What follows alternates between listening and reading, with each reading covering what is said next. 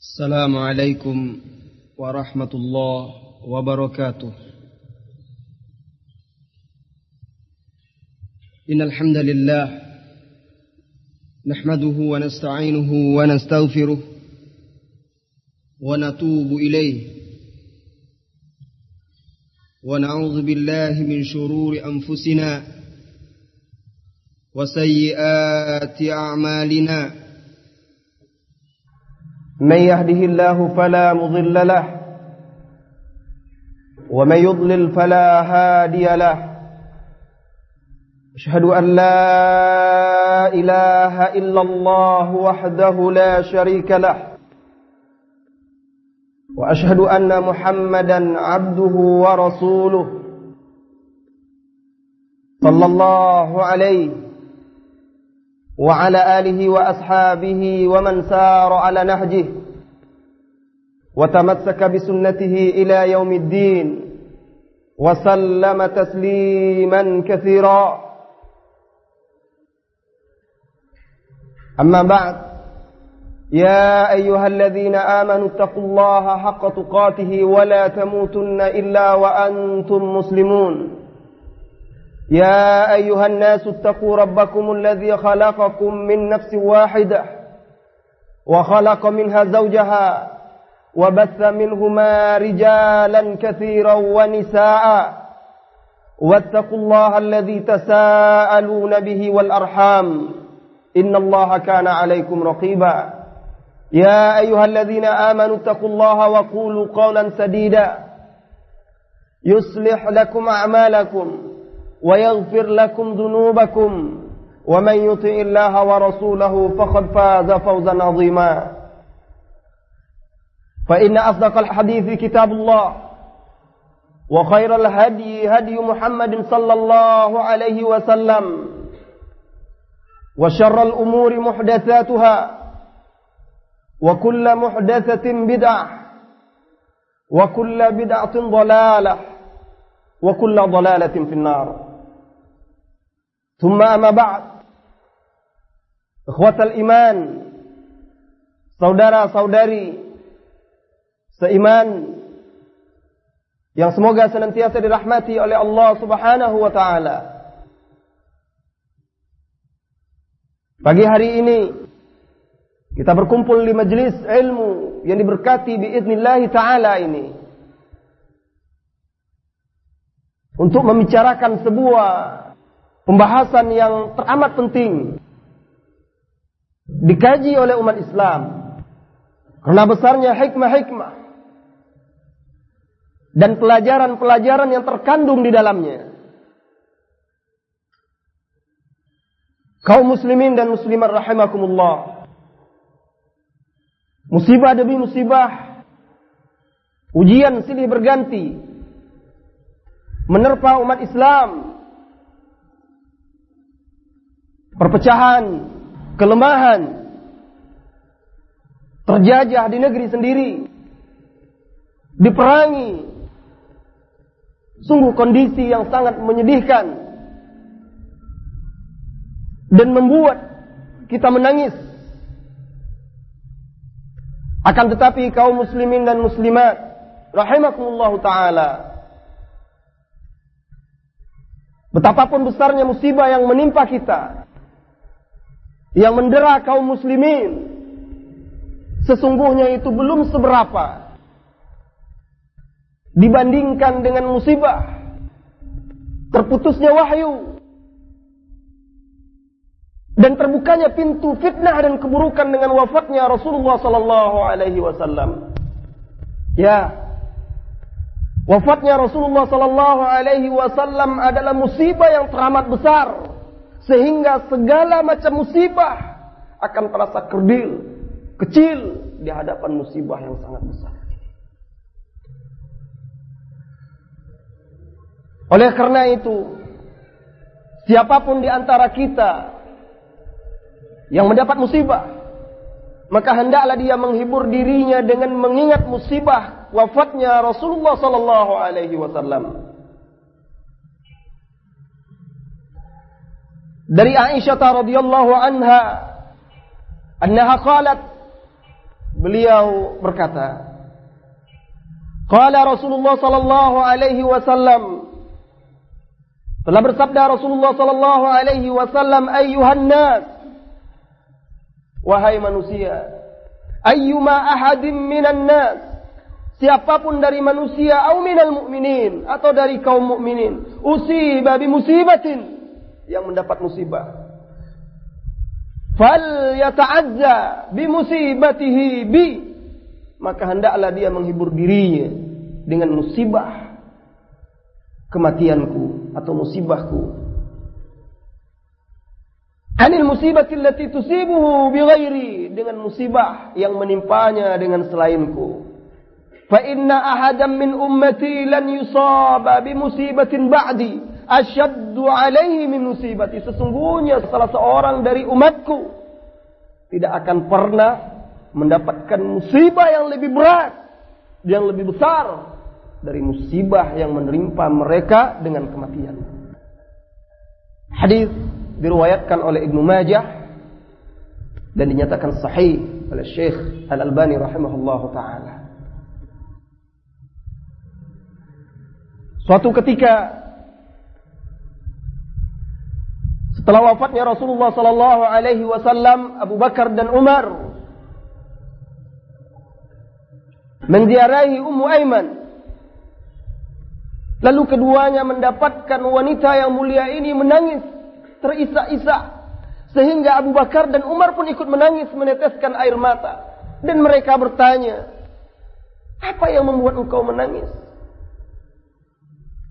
Tidakkah engkau ridho dengan apa yang didapatkan oleh Rasulullah sallallahu alaihi wasallam di sisi Rabbnya? Ia menjawab, Saya ridho dengan apa yang didapatkan oleh Nabi kita Muhammad sallallahu alaihi wasallam di sisi Rabbi. Dan saya tidak menangis karena kematian Rasulullah sallallahu alaihi wasallam, tetapi saya menangis sedih. Karena apa yang akan menimpa umat ini setelah kematian beliau? Karena dengan kematian beliau terputuslah wahyu. Dahulu segala macam problema yang mereka hadapi mereka langsung datang kepada Rasulullah sallallahu alaihi wasallam. Permasalahan selesai, tuntas. Tapi setelah wafatnya Rasulullah sallallahu alaihi wasallam, wahyu terputus dan itu tanda-tanda keburukan mulai muncul. Dan ternyata memang terbukti. Dengan wafatnya Rasulullah sallallahu alaihi wasallam orang-orang munafikun bergembira. Orang-orang Yahudi. Bahkan tidak sedikit dari kabilah-kabilah Arab yang murtad setelah itu. Dengan wafatnya Rasulullah sallallahu alaihi wasallam. Kaum muslimin dan muslimat yang dirahmati oleh Allah Subhanahu wa taala. Berbicara tentang wafatnya Rasulullah sallallahu alaihi wasallam menggerakkan kerinduan di hati setiap mukmin. Mengingatkan mereka kepada sosok yang paling mulia dan yang paling patut mereka cintai. Dahulu ketika Rasulullah sallallahu alaihi wasallam masih hidup di dalam Masjid Nabawi ada sebatang pohon korma Biasanya Rasulullah Sallallahu Alaihi Wasallam apabila khutbah bersandar ke pohon tersebut. Lalu tatkala dibuatkan mimbar untuk Rasulullah Sallallahu Alaihi Wasallam, Rasulullah meninggalkan pohon kurma tersebut dan khutbah di atas mimbar. Suatu ketika Rasulullah Sallallahu Alaihi Wasallam melewati pohon kurma tersebut, menaiki mimbar, maka terdengarlah pohon kurma tersebut merintih menangis mukjizat Rasulullah sallallahu alaihi wasallam. Merintih, menangis seperti bayi yang menangis karena rindu kepada Rasulullah sallallahu alaihi wasallam. Lalu Rasulullah sallallahu alaihi wasallam turun dari atas mimbar, kemudian merangkul pohon tersebut dan Rasulullah sallallahu alaihi wasallam bersabda demi Allah, jikalau aku tidak memeluknya, niscaya dia akan menangis sampai hari kiamat. Subhanallah. Benda-benda selain manusia menangis karena rindu kepada Rasulullah sallallahu alaihi wasallam dan memang patut serta layak sosok seperti beliau untuk dirindu, dicintai. Al Hasan Al Basri rahimahullah taala apabila membaca riwayat ini beliau menangis. Lalu berkata pohon sebatang pohon sebatang kayu rindu dan menangis kepada Rasulullah sallallahu alaihi wasallam. Kalian anda lebih patut dan lebih layak menangis karena rindu kepada Rasulullah sallallahu alaihi wasallam. Allahu akbar. Kaum muslimin yang dirahmati oleh Allah Subhanahu wa taala. Setiap kejadian-kejadian besar biasanya didahului oleh isyarat-isyarat dan tanda-tanda. Begitu juga dengan wafatnya Rasulullah sallallahu alaihi wasallam. Didahului dengan tanda-tanda dan isyarat-isyarat yang mengingatkan kepada kaum muslimin ketika itu bahwa ajal Rasulullah sallallahu alaihi wasallam telah dekat. Tugasnya telah selesai. Tinggallah baginya berzikir, memuji Allah, beristighfar, memohon ampunan, bersiap-siap menemui Rabbnya. Isyarat-isyarat tersebut telah tampak di haji wada. Haji perpisahan. Pada tanggal 9 Zulhijjah tahun ke-10 Hijriyah Nabawiyah. Nabiul Huda Al-Mustafa sallallahu alaihi wasallam berdiri. Nabiullah sallallahu alaihi wasallam di dekat Arafah di atas ontanya yang bernama Qaswa dan di sekitarnya 40 ribu sahabat dalam riwayat lain dikatakan 100 ribu ada yang di atas kendaraan, ada yang berdiri, ada yang duduk. Sejauh mata memandang. Dan di antara mereka ada Rabi'ah bin Umayyah bin Khalaf yang menyampaikan kata-kata Rasulullah sallallahu alaihi wasallam kepada yang lainnya. Karena saking ramainya yang hadir, ketika Rasulullah sallallahu alaihi wasallam bicara, ada sahabat yang menyampaikan kata-katanya. Rasulullah sallallahu alaihi wasallam di hadapan kaum muslimin ketika itu di Arafah mengumumkan tentang dekatnya ajal beliau. Kata beliau ketika itu, ayuhan nas, isma'u qawli, fa inni la adri la'alli la alqakum ba'da ami hadha, bihadzal mawkif abada. Wahai manusia, dengarkan perkataanku. Sesungguhnya aku tidak tahu, bisa jadi Aku tidak akan bertemu lagi dengan kalian setelah tahunku ini dan di tempat ini. Isyarat dari Rasulullah sallallahu alaihi wasallam. Kemudian Rasulullah sallallahu alaihi wasallam berwasiat dalam khutbahnya tadi, "Inna dima'akum wa amwalakum haramun alaikum ka hurmati yaumikum hadha." Sesungguhnya darah kalian, harta kalian haram atas kalian untuk dirusak untuk ditumpahkan seperti haramnya hari ini. Fi syahrikum hadza di bulan kalian ini seperti haramnya bulan-bulan haji. Wa fi baladikum hadza dan di negeri kalian ini baladul haram seperti haramnya negeri ini. Ala kullu syai'in min amril jahiliyati tahta qadami mawdu' kata Rasulullah. Rasulullah mengumumkan segala bentuk perkara jahiliyah itu dihapuskan. Kata Rasulullah, ketahuilah. Segala sesuatu dari perkara-perkara dan urusan jahiliyah di bawah kakiku ini maudhu, semuanya dibatalkan, semuanya dihapuskan. Wa dima'ul jahiliyah maudhu'ah dan darah-darah yang tertumpah atau yang ditumpahkan di zaman jahiliyah dihapuskan. Tidak ada lagi tuntut menuntut. Karena dahulu mereka satu terbunuh, yang lainnya menuntut, maka terjadilah dendam kesumat. Saling bunuh berbunuhan. Rasulullah umumkan seluruh darah yang pernah ditumpahkan di masa jahiliyah semuanya telah dihapus. Tidak ada lagi tuntut menuntut dan tidak ada lagi dendam hari ini. Wa inna awwala damin adau min dima'ina damu ibni Rabi'ah ibn al-Harith. Dan darah pertama yang aku hapuskan adalah darah ibnu Rabi'ah ibn al-Harith.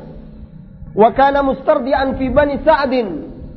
Rabi'ah ini disusui di Bani Sa'ad. Faqatalathu Huzail.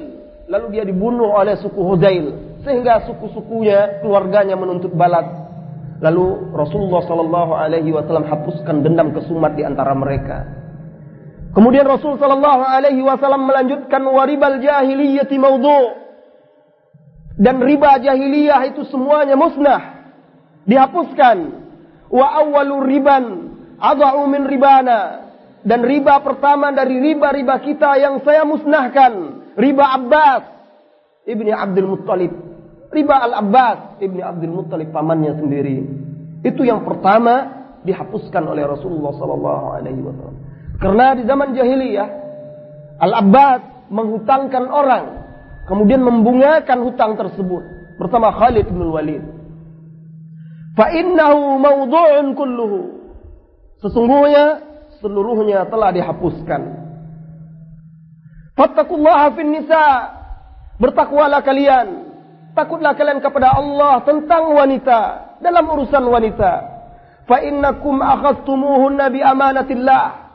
Sesungguhnya kalian mengambil wanita dengan amanah Allah.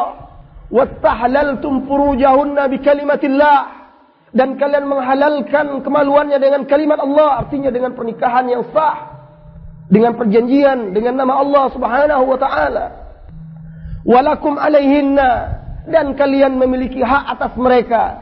An la yuti'na furashakum ahadan takrahunahu. Kalian memiliki hak atas mereka agar mereka tidak melakukan skandal, tidak melakukan penyimpangan-penyimpangan dengan seseorang yang kalian tidak menyukainya, yang tidak kalian ridhoi. Fa in fa'alna dzalika fadribuhum darban ghaira mubarrah.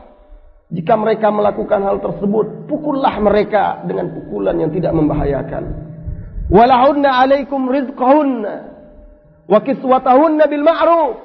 Dan mereka istri-istri kalian, wanita-wanita kalian memiliki hak agar kalian memberi mereka rezeki, nafkah, memberikan mereka pakaian dengan cara yang wajar bil ma'ruf.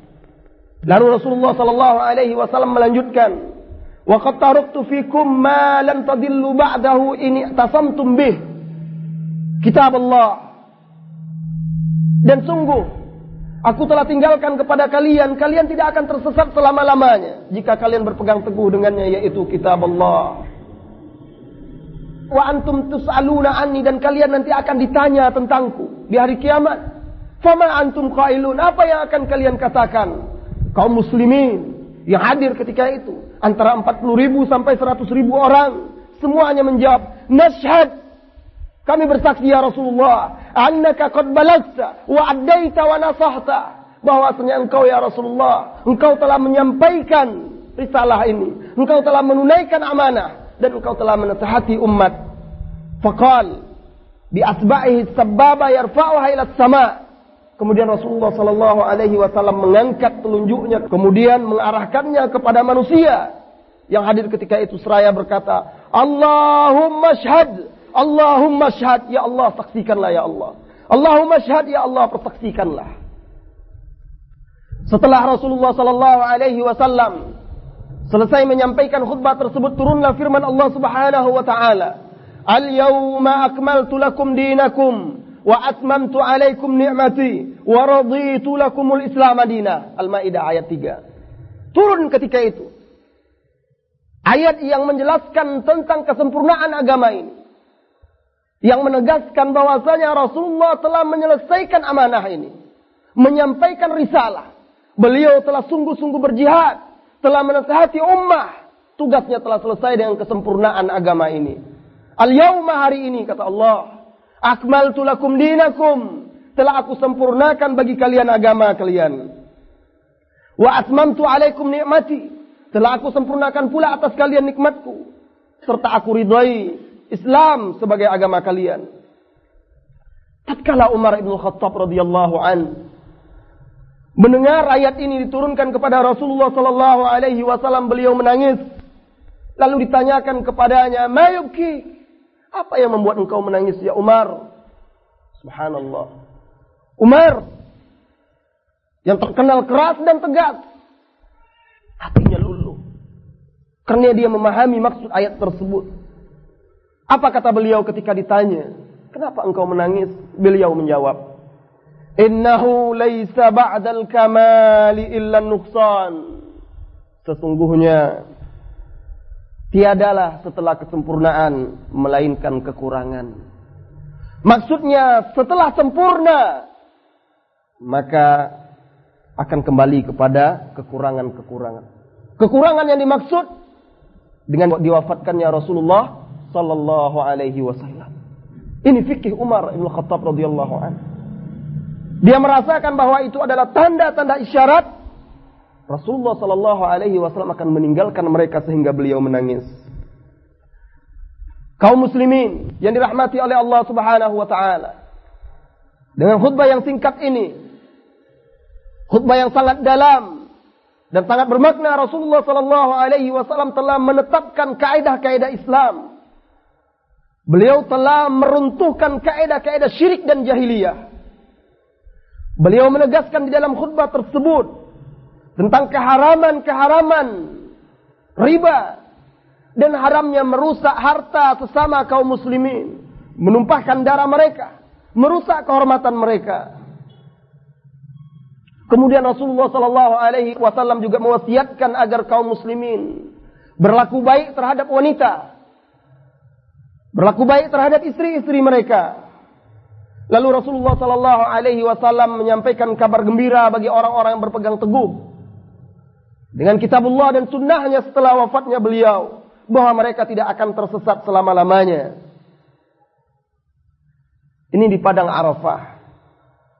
Kemudian di sela-sela di saat Rasulullah Sallallahu Alaihi Wasallam melempar jamarat di hari-hari tasyrik, Rasulullah Sallallahu Alaihi Wasallam juga berkata kepada para sahabat ketika itu, "Khudhu anni manasikakum, la'alli la alqakum ba'da ami hadza." Ambil cara manasik kalian.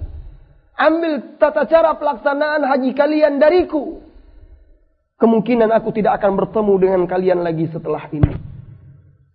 Perintah dari Rasulullah Sallallahu Alaihi Wasallam agar kita menadani beliau tidak hanya dalam masalah haji. Itu hanya kebetulan momennya pas haji Rasulullah memerintahkan kita untuk meneladani. Tetapi segala urusan ibadah dan segala bentuk tuntunan-tuntunan dalam agama ini wajib kita meneladani Rasulullah Sallallahu Alaihi Wasallam. Tidak melangkahi beliau, dan tidak mendahuluinya. Kita tidak beribadah kecuali karena Allah dan sesuai dengan syariat serta yang telah disunahkan oleh Rasulullah sallallahu alaihi wasallam. Kemudian begitu juga di Yauman Nahar ketika hari penyembelihan tanggal 10 Zulhijjah tatkala waktu duha semakin meninggi di atas bagal hewan tunggangannya Rasulullah Sallallahu Alaihi Wasallam kembali mengulangi khutbahnya di hadapan manusia, menyampaikan wasiat-wasiat yang menunjukkan tanda-tanda perpisahan beliau dengan kaum muslimin.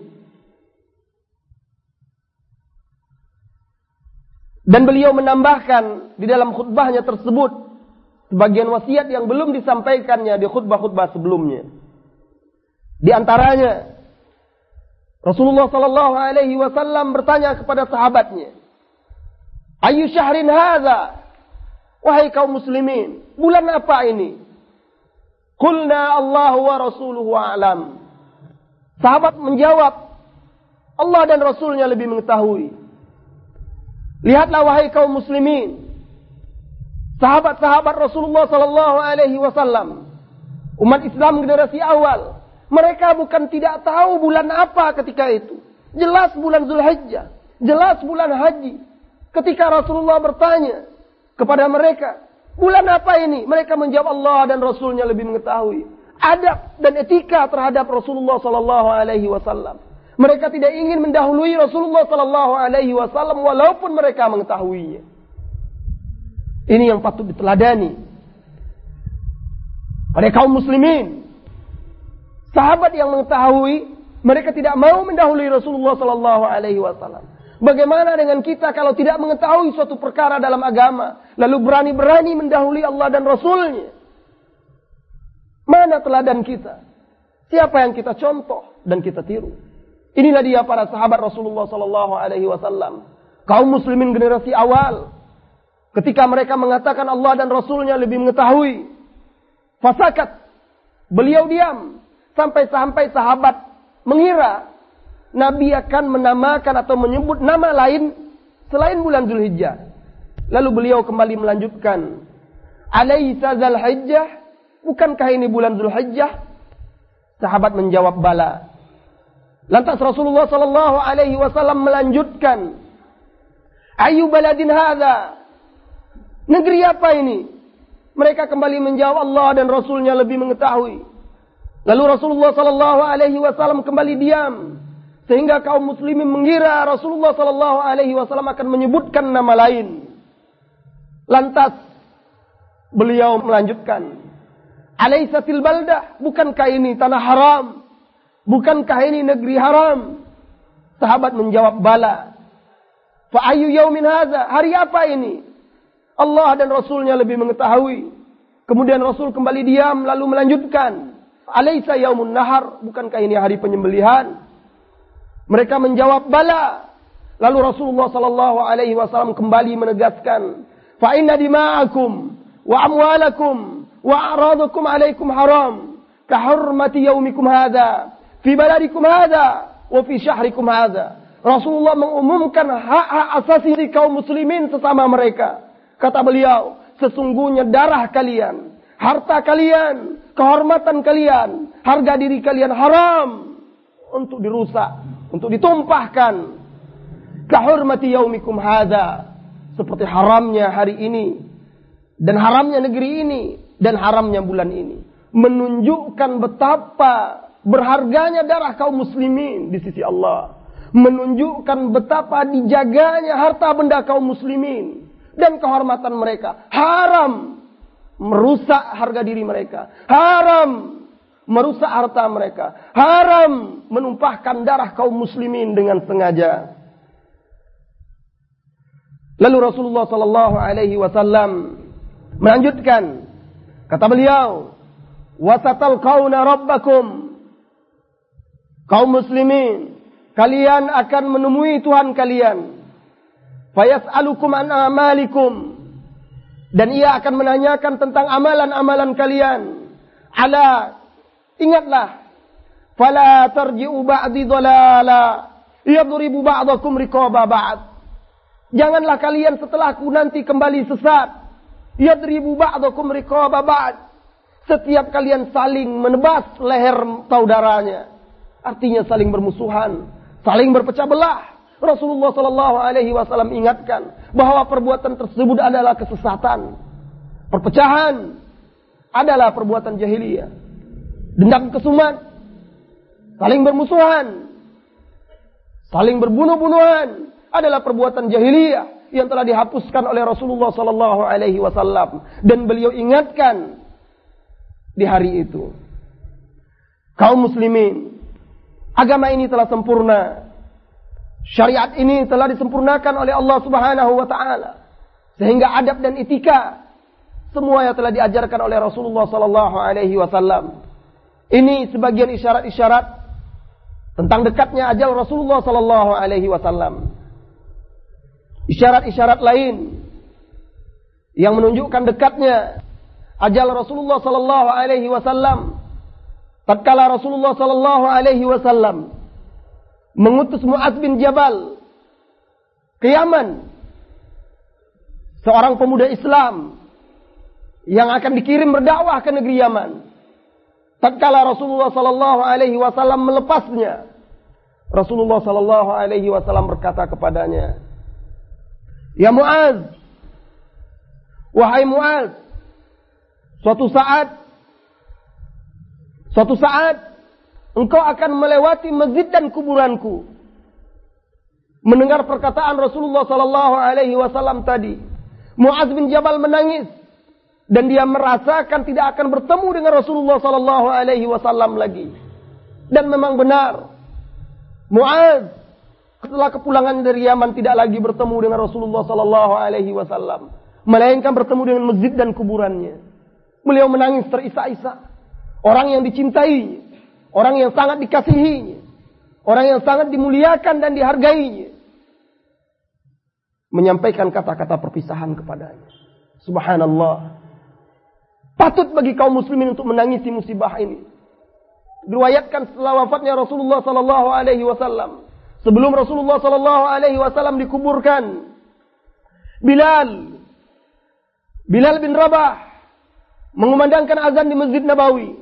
Tatkala beliau mengumandangkan, tatkala beliau mengucapkan asyhadu an la ilaha illallah wa asyhadu anna Muhammadar Rasulullah, maka hiruk pikuk masjid dipenuhi oleh tangisan. Kaum muslimin menangis. Teringat Rasulullah sallallahu alaihi wasallam. Akhirnya setelah Rasulullah sallallahu alaihi wasallam dikuburkan, Bilal tidak pernah lagi mengumandangkan azan. Bilal tidak lagi mengumandangkan azan karena dia tidak tahan teringat Rasulullah sallallahu alaihi wasallam. Semakin dekatnya ajal Rasulullah sallallahu alaihi wasallam. Setelah kepulangan beliau sallallahu alaihi wasallam dari menunaikan haji, perpisahan dengan kaum muslimin, Hajatul Wada. Di bulan Safar tahun ke-11 Hijriah. Rasulullah sallallahu alaihi wasallam keluar menziarahi pekuburan Uhud. Tempat para kaum muslimin yang gugur di medan perang Uhud dimakamkan. Beliau mengunjungi mereka seperti seseorang yang akan berpisah. Beliau mendoakan mereka. Kemudian beliau kembali ke rumahnya. Kemudian pada tanggal 29 bulan Safar di malam hari Rasulullah sallallahu alaihi wasallam berkata kepada maulahnya, bekas budak yang telah dimerdekakannya yang bernama Abu Muwaihibah. Rasul bersabda, "Ya Abu Muwaihibah, inni qad umirtu an astaghfira li ahli al-baqi Fantalik ma'i. Beliau membangunkan Abu Muwaihibah. Wahai Abu Muwaihibah, aku diperintahkan untuk beristighfar. Aku diperintahkan agar beristighfar untuk ahlul baqi. Mari pergi bersamaku. Lalu pergilah Abu Muwaihibah radhiyallahu anhu menemani Rasulullah sallallahu alaihi wasallam. Sesampainya di Baqi, keduanya berdiri Kemudian Rasulullah sallallahu alaihi wasallam mengucapkan, "Assalamualaikum ya ahlal makabir. Liyuhanni lakum ma asbahtum fihi mimma asbaha an-nas fihi. Aqbalatil fitan ka kita'il lail muslim. Yasbahu akhiruha awwalaha. Al-akhiratu syarrum min al-ula." Kata Rasulullah, Assalamualaikum wahai penghuni kubur. Bergembiralah kalian terhadap apa yang kalian dapatkan dari apa-apa yang ditemui oleh manusia. Sungguh, fitnah-fitnah telah datang. Bagaikan penggalan malam yang gelap gulita. Silih berganti. Al-akhiratu syarrum minal ula. Fitnah yang belakangan, yang menyusul. Lebih buruk dari fitnah yang datang lebih dahulu. Isyarat dari Rasulullah sallallahu alaihi wasallam bahwasanya fitnah akan datang susul menyusul setelah wafatnya Rasulullah sallallahu alaihi wasallam. Bahkan dalam hadis yang diriwayatkan oleh Imam Al-Hakim disahihkan oleh Syekh Al-Albani rahimahullahu taala Rasulullah sallallahu alaihi wasallam juga menyebutkan tentang akan datangnya fitnah yang dibentangkan seperti tikar, fitnah yang gelap gulita, sehingga sampai-sampai Rasulullah sallallahu alaihi wasallam menjelaskan di dalam hadis tersebut. Yusbihur rajulu mu'minan wa yumsi kafiran wa yumsi mu'minan wa yusbih kafiran. Ketika fitnah-fitnah tersebut datang, di antara orang-orang ada yang pagi harinya mukmin, petang harinya menjadi kafir. Yang petang harinya mukmin, pagi harinya menjadi kafir. Na'udzubillah minal fitan. Wabillahi na'ud. Kita berlindung dengan Allah Subhanahu wa taala dari fitnah-fitnah. Lalu Rasulullah sallallahu alaihi wasallam bersabda kepada maulahnya, "Ya Aba Muwaihibah, hai Abu Muwaihibah, ini qad utitu mafatiha khazain dunya wal khuld fiha." Sesungguhnya aku telah diberikan oleh Allah kunci-kunci perbendaharaan dunia dan kekekalan di dunia. Summal jannah, kemudian masuk surga. Fakhuyirtu baina zalika wa baina liqa'i rabbi wal jannah. Lalu Allah memberikan pilihan kepadaku antara perbendaharaan dunia dan surga serta antara bertemu dengan Rabbku Tuhanku dan surga spontan. Belum lagi Rasulullah menuntaskan kata-katanya. Aba Muwaihibah segera berkata memotong perkataan Rasulullah sallallahu alaihi wasallam. Mendorong Rasulullah memilih dunia, kemudian sorga. Bi abi anta wa ummi. Bapak ibuku sebagai tebusan wahai Rasulullah. Khutbah Fatihah ini dunia, tumal jannah. Wal khulda fiha tumal jannah. Wahai Rasulullah, ambil kunci-kunci perbendaharaan dunia kekal di atasnya, kemudian engkau masuk surga. Apa jawab Rasulullah sallallahu alaihi wasallam? La. Walakin tidak demikian. Akan tetapi keinginan Rasulullah sallallahu alaihi wasallam hidup di dunia sebatas menyampaikan risalah Allah, sebatas menunaikan amanah dan beliau telah menunaikannya. Beliau telah menyampaikannya, meninggalkan umat ini dalam keadaan terang benderang. Lailuha kanahariha sebagaimana dalam hadis. La yazighu anha illa halik. Malamnya bagaikan siang. Agama ini telah jelas, telah tuntas. Tidak ada yang menyimpang darinya melainkan orang-orang yang binasa. Apa kata Rasulullah sallallahu alaihi wasallam? La wallahi ya Aba Muwaihibah. Tidak. Demi Allah wahai Abu Muwaihibah. Laqad ikhtartu liqa'a Rabbi wal jannah. Aku telah memilih bertemu dengan Rabbku dan sorga. Ini juga tanda-tanda dan isyarat semakin dekatnya ajal Rasulullah Sallallahu Alaihi Wasallam. Kemudian beliau beristighfar untuk ahlul baqi. Setelah itu beliau pulang menuju rumah Aisyah radhiyallahu anha.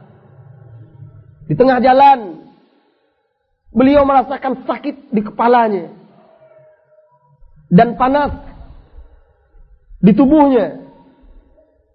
Sehingga sahabat Rasulullah sallallahu alaihi wasallam melihat dan merasakannya dari ikat kepala Rasulullah sallallahu alaihi wasallam. Tatkala sampai di rumah Aisyah radhiyallahu anha, beliau mendapatkan Aisyah radhiyallahu anha berbaring di dekat pintu di atas bantal seraya berkata, "Wa Duhai kepalaku. Waroksa. Duhai kepalaku. Aisyah juga mengeluhkan kepalanya yang sakit. Apa kata Rasulullah sallallahu alaihi wasallam? Tatkala Rasulullah melihat Aisyah radhiyallahu anha mengeluhkan kepalanya yang sakit, beliau bersabda, "Ana wallahi ya Aisyah warasa." Aku juga wahai Aisyah, demi Allah kepalaku sakit sekali. Lalu Rasulullah Shallallahu Alaihi Wasallam berusaha menghibur Aisyah radhiyallahu anha. Di tengah sakit yang dirasakannya, Rasulullah berusaha menghibur Aisyah radhiyallahu anha. Beliau berkata, "Ma darraki law mutti qabli, fakuntu alaiki wa kafantuki wa sallaitu alaiki wa dafantuk." Apa yang menyusahkanmu hai Aisyah? Jika engkau mati sebelumku, aku yang akan mengurusmu, Aku akan memandikanmu, aku akan mengkafankanmu, dan aku yang menyolatkan serta menguburkanmu. Akan tetapi Aisyah radhiyallahu anha tidak paham maksud Rasulullah sallallahu alaihi wasallam. Rasulullah ingin bergurau dengannya. Rasulullah ingin menghiburnya. Tetapi Aisyah radhiyallahu anha, Allahu alam, entah karena beliau tidak paham atau kecemburuan yang ada pada wanita, beliau Aisyah radhiyallahu anha balik membalas dengan mengatakan, Wallahi laka anni bika law fa'alta dhalik laqad raja'ta ila baiti fa'arastu fihi bi ba'di nisa'ik. Demi Allah, laka anni bika lau fa'alta dzalik. Jika engkau melakukan itu hai Rasulullah, seolah-olah aku melihatmu kembali ke rumahku, lalu engkau tidur di situ bersama istri-istrimu yang lain. Entah karena kecemburuannya atau karena beliau tidak memahami maksud Rasulullah sallallahu alaihi wasallam, Allahu a'lam. Tetapi Rasulullah dengan kelapangan dada, dengan kebijaksanaannya, beliau hanya tersenyum tidak membalas perkataan Aisyah radhiyallahu anha. Setelah itu, Rasulullah sallallahu alaihi wasallam mulai merasakan sakitnya kian bertambah. Demamnya kian meninggi. Dan Rasulullah sallallahu alaihi wasallam selama sakit itu tetap berusaha salat bersama kaum muslimin selama 11 hari. Dan hari-hari sakit Rasulullah sallallahu alaihi wasallam sebelum wafatnya ada yang mengatakan 13 hari dan ada juga yang mengatakan 14 hari. Rasulullah sallallahu alaihi wasallam merupakan suri tauladan bagi kaum muslimin. Satu-satunya contoh dalam memberikan pengajaran dan memberikan wasiat-wasiat yang bermanfaat bagi umatnya. Sehingga ketika sakit pun beliau senantiasa berwasiat kepada umatnya. Menjelang wafatnya, beliau tidak melupakan orang-orang yang dicintainya yaitu umatnya selama beliau sakit. Rasulullah sallallahu alaihi wasallam setiap beliau berpindah dari rumah istrinya yang satu ke istrinya yang lain. Rasulullah sallallahu alaihi wasallam senantiasa bertanya, "Aina ana ghadan? Aina ana ghadan?" Besok di mana tempat saya? Besok di mana tempat saya? Maksud beliau bertanya itu, beliau menginginkan dirawat di rumah Aisyah radhiyallahu anha. Setiap beliau pindah ke rumah istri yang satu dibawa, beliau bertanya, Aina anak dan besok saya di rumah siapa? Besok tempat saya di rumah siapa? Dan istri-istri beliau memahami maksud beliau. Istri-istri beliau yang lain memahami dan mengerti betapa besarnya cinta Rasulullah Sallallahu Alaihi Wasallam kepada Aisyah. Karena perasaan cinta sesuatu yang tidak mungkin dikuasai oleh manusia. Rasulullah Sallallahu Alaihi Wasallam kita yakin Beliau pasti berlaku adil dalam hal materi, dalam hal nafkah, dalam perkara-perkara yang wajib seorang suami berlaku adil terhadap istri-istrinya. Tetapi dalam masalah hati, dalam masalah cinta tidak ada seorang pun yang bisa menyamaratakan antara satu dengan yang lainnya. Begitu juga Rasulullah. Aisyah radhiyallahu anha adalah istri yang paling dicintainya dan istri-istri yang lain memahami hal tersebut. Oleh karena itu, mereka mengizinkan Rasulullah Sallallahu Alaihi Wasallam untuk dirawat di rumah Aisyah. Mereka meridhai agar Rasulullah Sallallahu Alaihi Wasallam dibawa ke rumah Aisyah. Maka dibawalah Rasulullah Sallallahu Alaihi Wasallam ke rumah Aisyah, digandeng oleh Fadl ibnu Abbas dan Ali bin Abi Thalib. Dua orang yang menggandengnya, membawa Rasulullah Sallallahu Alaihi Wasallam. Kemudian Rasulullah Sallallahu Alaihi Wasallam berjalan di antara keduanya yang dirahmati oleh Allah Subhanahu wa taala. Biasanya Rasulullah sallallahu alaihi wasallam ketika masa-masa beliau sehat apabila beliau merasakan sakit di tubuhnya beliau memegang bagian tubuhnya atau beliau membacakan muawwidzat Qul huwallahu ahad Qul a'udzu birabbil falaq Qul a'udzu birabbin nas lalu meniupkan ke tangannya dan mengusapkan ke bagian yang sakit atau terkadang beliau memegang bagian yang sakit, lalu membaca doa-doa, meminta kesembuhan kepada Allah Subhanahu wa taala. Tetapi kali ini sakit beliau menjelang wafatnya, Rasulullah sallallahu alaihi wasallam tidak sanggup untuk melakukannya. Maka Aisyah radhiyallahu anha menggantikannya. Aisyah radhiyallahu anha membacakan muawwidzat Aisyah radhiyallahu anha membacakan doa-doa dan zikir-zikir yang beliau dapat dari Rasulullah sallallahu alaihi wasallam. Kemudian meniup tangannya, lalu mengusapkan ke bagian tubuh Rasulullah sallallahu alaihi wasallam yang sakit. Ini juga merupakan sunnah, merupakan pengajaran dari Rasulullah sallallahu alaihi wasallam dan juga dari Aisyah radhiyallahu anha agar kita berobat, agar kita menggunakan pengobatan yang digunakan oleh Rasulullah sallallahu alaihi wasallam yaitu ruqyah syar'iyyah. Sebagaimana Rasulullah sallallahu alaihi wasallam dan Aisyah juga melakukannya. Kemudian pada hari Rabu, lima hari sebelum wafatnya Rasulullah Sallallahu Alaihi Wasallam, suhu Rasulullah Sallallahu Alaihi Wasallam semakin meninggi, panasnya semakin bertambah. Terkadang Rasulullah Sallallahu Alaihi Wasallam pingsan, kemudian tersadar suatu hari beliau pingsan, kemudian sadar bangun. Lalu Rasulullah Sallallahu Alaihi Wasallam bersabda, ahriku alayya min sab'i kurabin lam tuhallal awkiyatahunna la'alli a'had ila nas hadis diriwayatkan oleh Imam Bukhari bawakan kepadaku atau tuangkan kepadaku tujuh kantong air yang belum dibuka kantongnya yang belum dibuka ikatannya semoga aku bisa keluar menemui orang banyak menemui manusia dalam riwayat lain Rasulullah meminta ambilkan air dari tujuh tempat yang berbeda. Maksudnya, tidak lain dan tidak bukan untuk mengambil berkah dari bilangan yang ganjil. Dan juga karena air. Sebagaimana yang difirmankan oleh Allah Subhanahu wa taala, "Wa ja'alna minal ma'i kullu syai'in hayy." Surah Al-Anbiya ayat 30. Dan kami jadikan dari air segala sesuatu berupa kehidupan. Air. Sebagaimana diajarkan oleh Rasulullah sallallahu alaihi wasallam. Dan juga dijelaskan oleh Ibnu Qayyim Al-Jauziyah di dalam kitabnya Tibbun Nabawi. Di salah satu bagian dari Zadul Ma'ad juga bisa digunakan untuk mengurangi panas.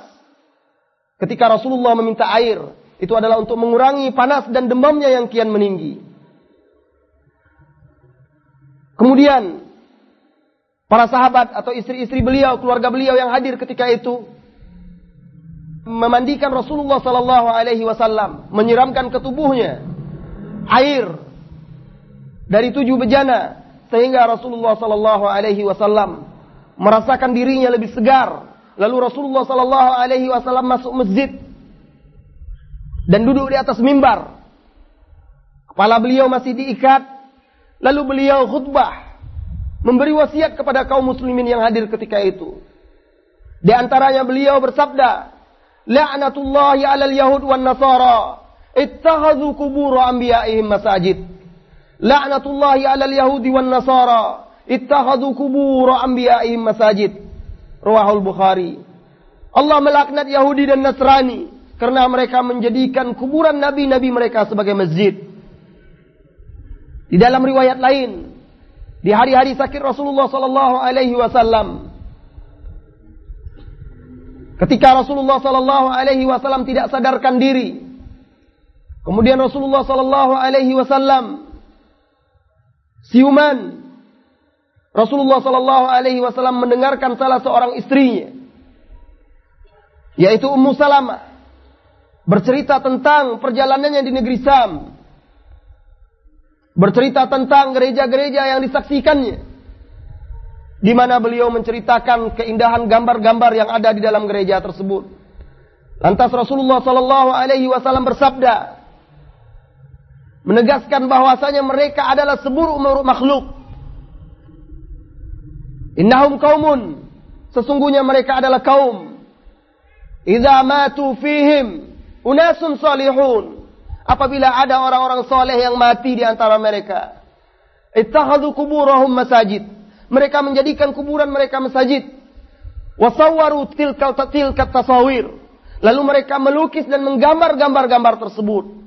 Rasulullah Sallallahu Alaihi Wasallam mengingatkan umatnya dari perbuatan orang-orang non Muslim, orang-orang Nasrani tersebut, yang menjadikan kuburan-kuburan orang-orang soleh mereka sebagai masjid, atau menguburkan orang-orang soleh di antara mereka di masjid di tempat-tempat ibadah, lalu menggambar-gambar dan melukis-lukis tokoh-tokoh mereka.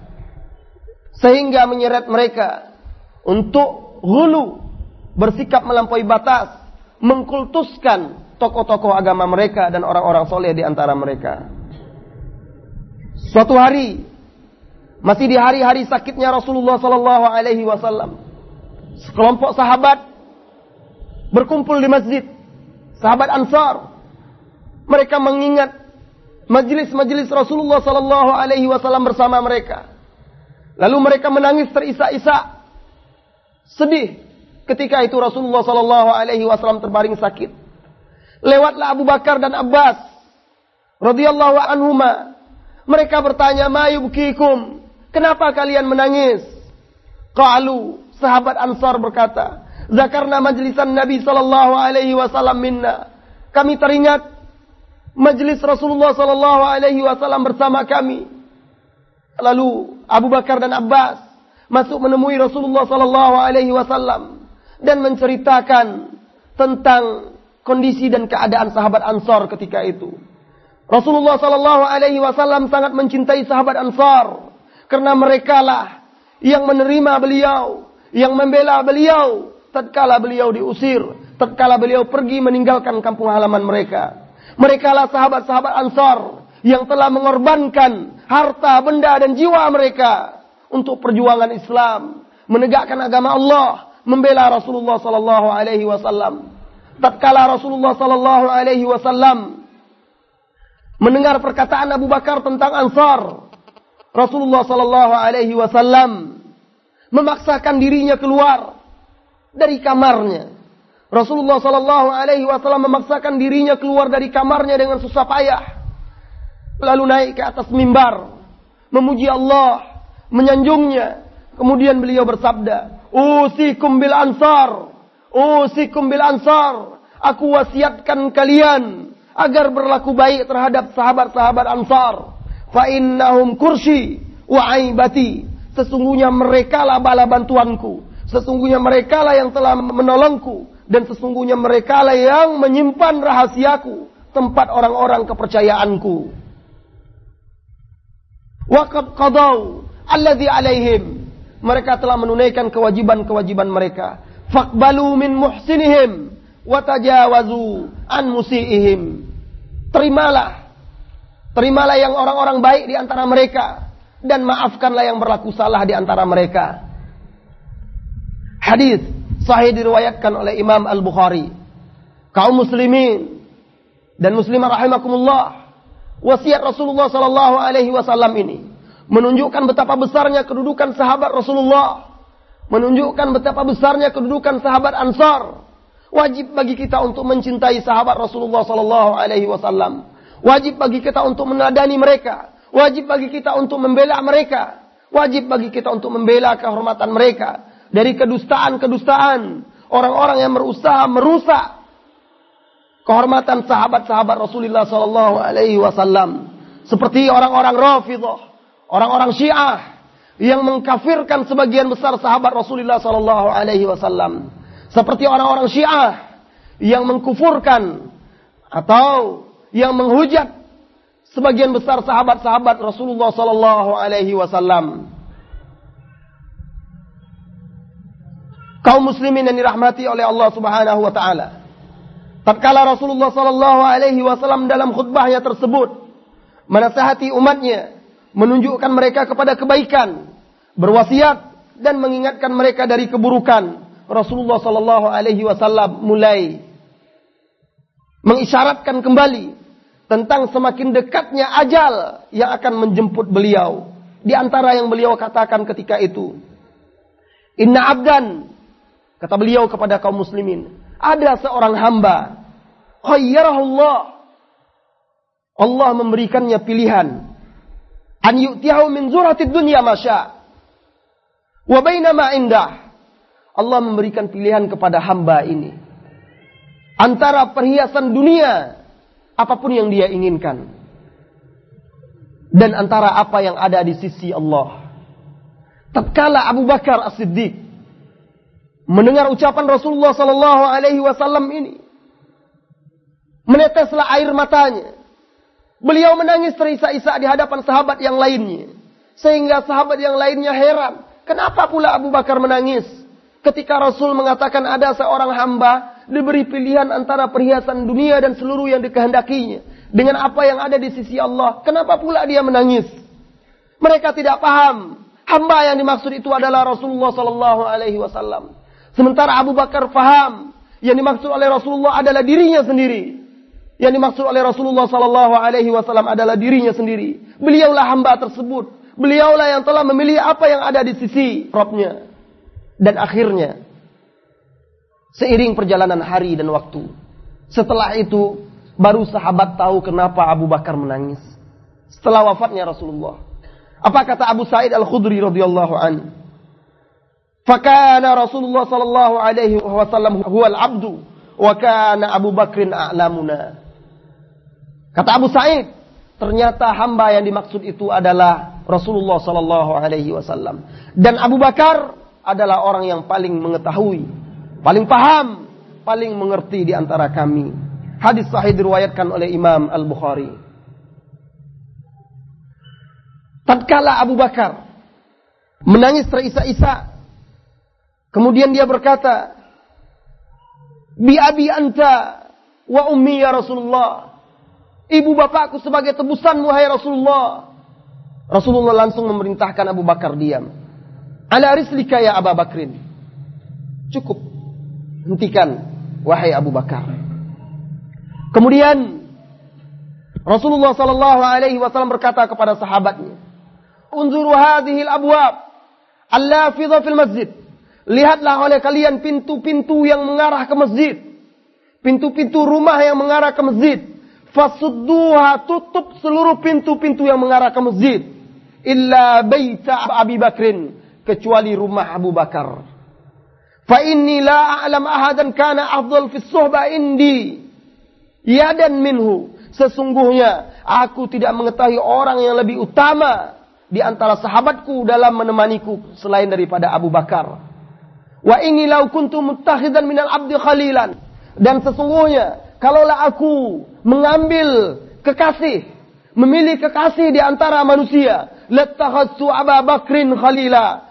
Niscaya aku akan menjadikan Abu Bakar sebagai kekasih khalil. Walakin akan tetapi itu tidak ada. Yang ada adalah suhbah, persahabatan, wa ikha dan persaudaraan iman, wa ikha'u iman dan persaudaraan seiman. Hatta yajma Allahu bainana indahu sampai Allah mengumpulkan kita di sisinya. Wasiat Rasulullah sallallahu alaihi wasallam ini juga merupakan isyarat bahwasanya beliau akan menyerahkan urusan pimpinan ini kepada Abu Bakar. Sebelum wafatnya lihatlah beliau memerintahkan kaum muslim menutup seluruh pintu yang menuju ke masjid kecuali pintu Abu Bakrin. Ini menunjukkan bahwasanya Abu Bakar adalah sahabat yang paling utama.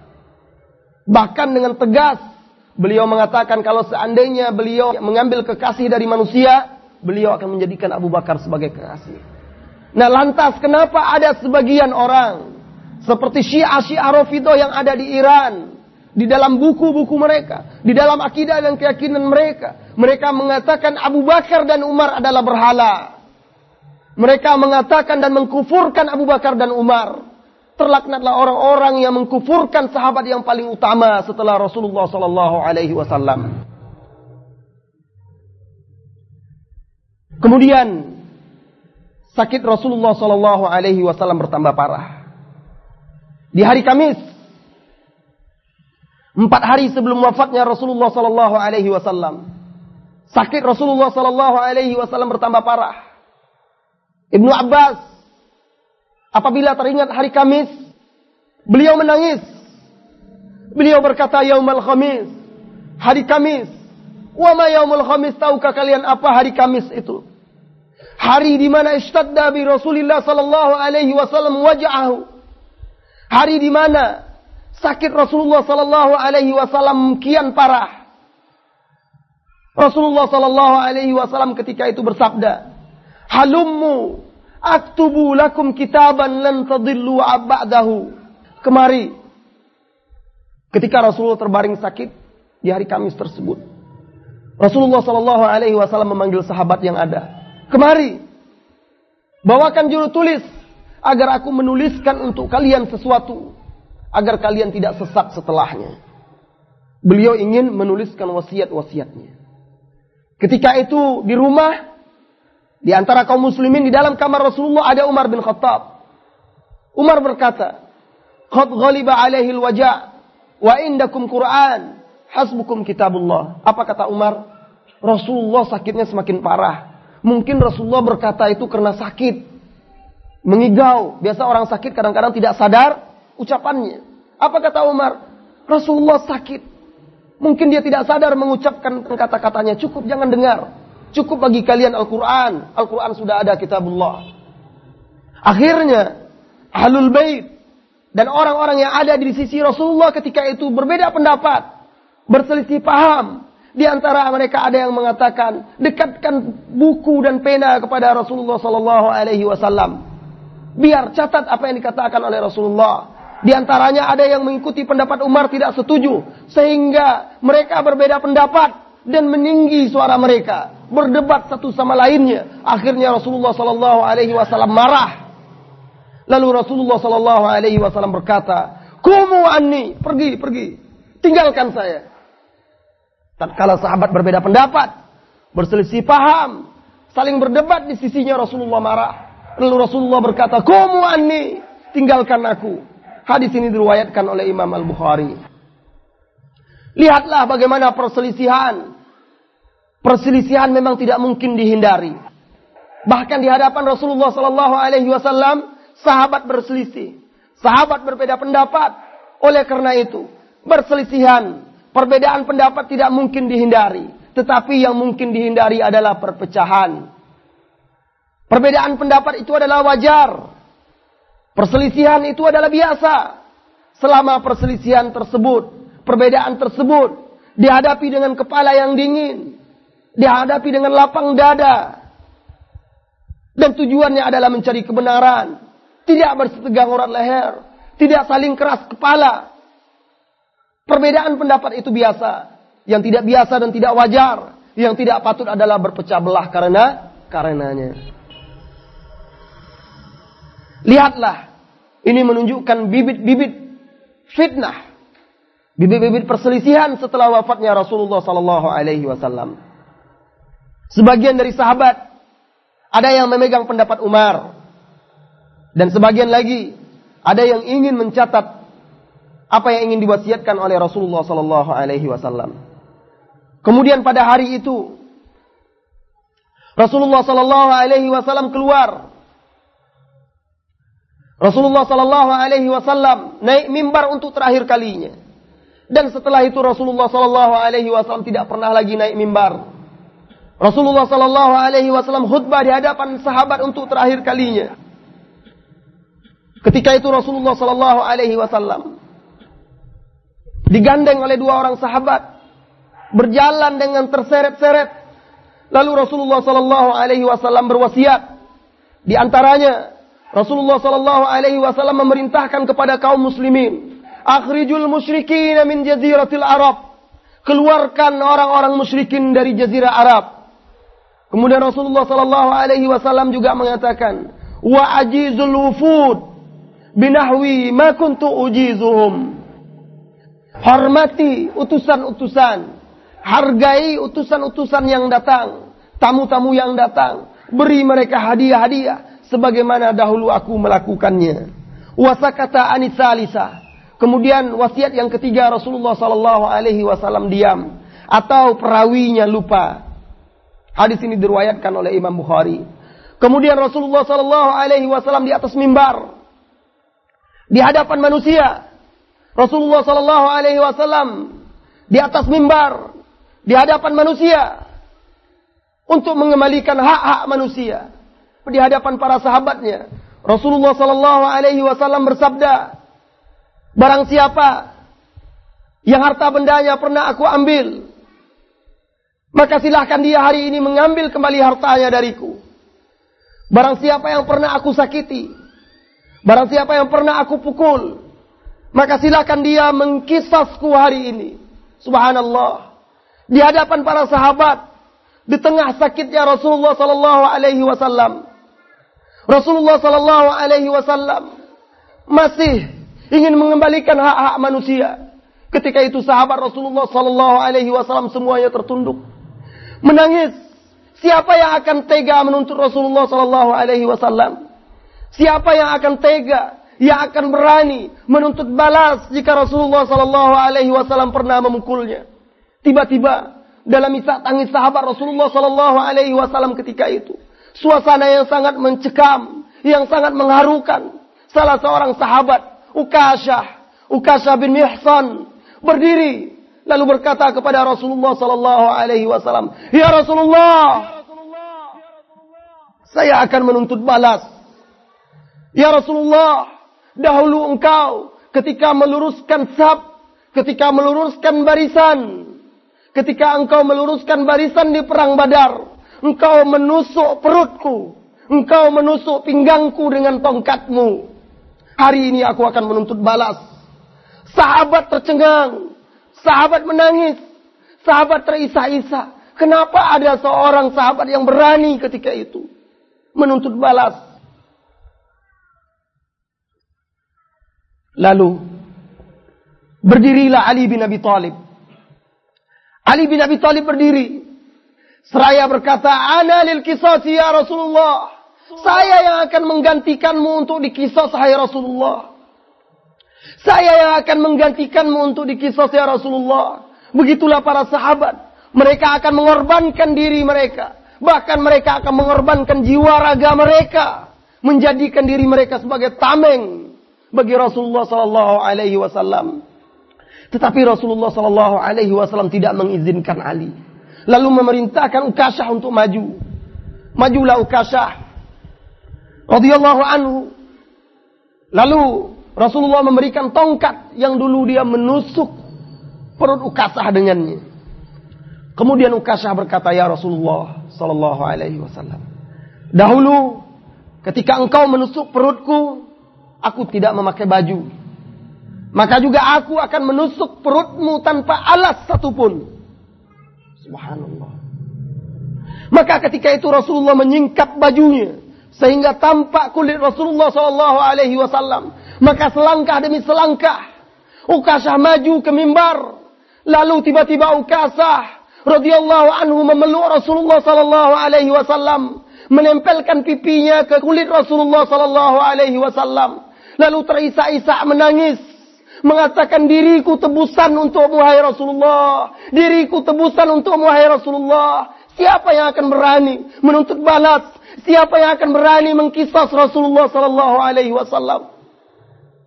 Beliau akasa hanya ingin memeluk Rasulullah sallallahu alaihi wasallam di hari-hari terakhirnya. Beliau hanya ingin memeluk orang yang paling mulia, orang yang paling dicintai, orang yang akan ditebusnya jika itu bisa dengan dirinya. Masjid ketika itu penuh dengan tangisan. Semuanya menangis sedih. Semuanya terisak-isak orang yang mereka cintai dalam keadaan seperti itu. Kemudian Rasulullah Sallallahu Alaihi Wasallam melanjutkan, siapa di antara kalian yang hartanya pernah saya ambil, maka silahkan hari ini mengambilnya. Sebelum datang hari yang tidak ada lagi dirham, tidak bisa lagi ada untuk mengembalikannya. Kemudian berdiri seseorang mengingatkan Rasulullah Sallallahu Alaihi Wasallam kalau Rasulullah dahulu pernah memakai hartanya sedikit. Kemudian Rasulullah memerintahkan Ali bin Abi Thalib untuk mengambil uang beberapa dirham untuk mengembalikan harta tersebut. Setelah itu, Rasulullah Shallallahu Alaihi Wasallam kembali ke kamarnya dan tirai pun ditutup.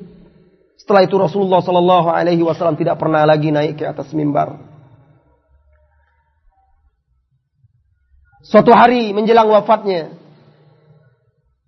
Rasulullah Shallallahu Alaihi Wasallam ketika itu berbaring di atas tempat tidurnya. Tiba-tiba beliau mendengar suara Bilal mengumandangkan azan untuk sholat isya di malam Jumat. Allahu Akbar. Allahu Akbar. Dan tatkala kumandang azan selesai, Rasulullah sallallahu alaihi wasallam menoleh kepada Aisyah radhiyallahu anha seraya berkata, "Da'u lima fil mikhdab." ambilkan saya air.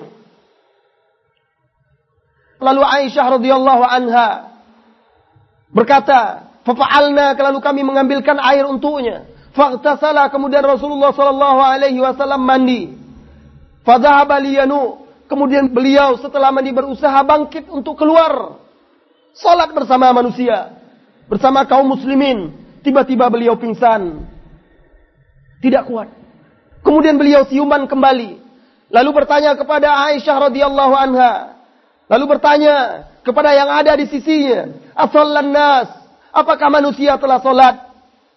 Maka orang yang ada di sekitarnya berkata, "La ya Rasulullah, wa hum yantazirunak." Belum wahai Rasulullah. Mereka menanti wahai Rasulullah sallallahu alaihi wasallam. Lalu Rasulullah kembali meminta air, kemudian mandi, menyiram tubuhnya, berwudu dan berusaha untuk bangkit. Kemudian Rasulullah sallallahu alaihi wasallam jatuh dan pingsan kembali. Kemudian beliau siuman, bertanya kembali, apakah manusia telah sholat? Belum ya Rasulullah. Mereka masih menantimu. Lalu Rasulullah mengulangi kembali, mandi, kemudian berwudu, membasahi tubuhnya, lalu pingsan dan begitu seterusnya. Rasulullah tidak lagi sanggup untuk keluar sholat memimpin kaum muslimin. Subhanallah. Lihatlah wahai kaum muslimin dan muslimat. Habibuna, kekasih kita, Al-Mustafa, Rasulullah sallallahu alaihi wasallam dalam keadaan seperti itu beliau masih berusaha untuk keluar. Salat berjamaah bersama kaum muslimin. Lihatlah wahai kaum muslimin dan muslimat. Bagaimana Rasulullah sallallahu alaihi wasallam mementingkan salat. Dan memang di hari-hari sakitnya tersebut. Di antara wasiat yang disampaikan oleh Rasulullah sallallahu alaihi wasallam. Beliau mengucapkan as-salah wa ma malakat aymanukum as-salah wa ma malakat aymanukum. As-salah wa ma malakat aymanukum. Ingatlah salat. Jagalah salat. Beliau ulangi ulangi sampai tiga kali. Menunjukkan betapa pentingnya salat dalam kehidupan manusia. Alangkah meruginya orang-orang yang bersaksi. Tiada yang patut diibadati selain Allah. Orang-orang yang bersaksi bahwasanya Muhammad Rasulullah. Lalu dia tidak mengerjakan salat. Lalu dia meninggalkan salat yang merupakan tiang agamanya Alangkah meruginya mereka. Orang-orang yang melalaikan wasiat Rasulullah sallallahu alaihi wasallam ini. Lalu mengaku mencintainya, lalu mengaku mencintainya, lalu mengaku memuliakannya hanya sekedar sekali setahun dengan memperingati dan merayakan hari lahirnya, melalaikan wasiat-wasiatnya. Di manakah cinta kita kepada Rasulullah? Di manakah pemuliaan kita? Di manakah penghargaan kita terhadap Rasulullah sallallahu alaihi wasallam? Sementara kita tidak menunaikan wasiatnya ini. Kaum muslimin dan muslimat yang dirahmati oleh Allah Subhanahu wa taala.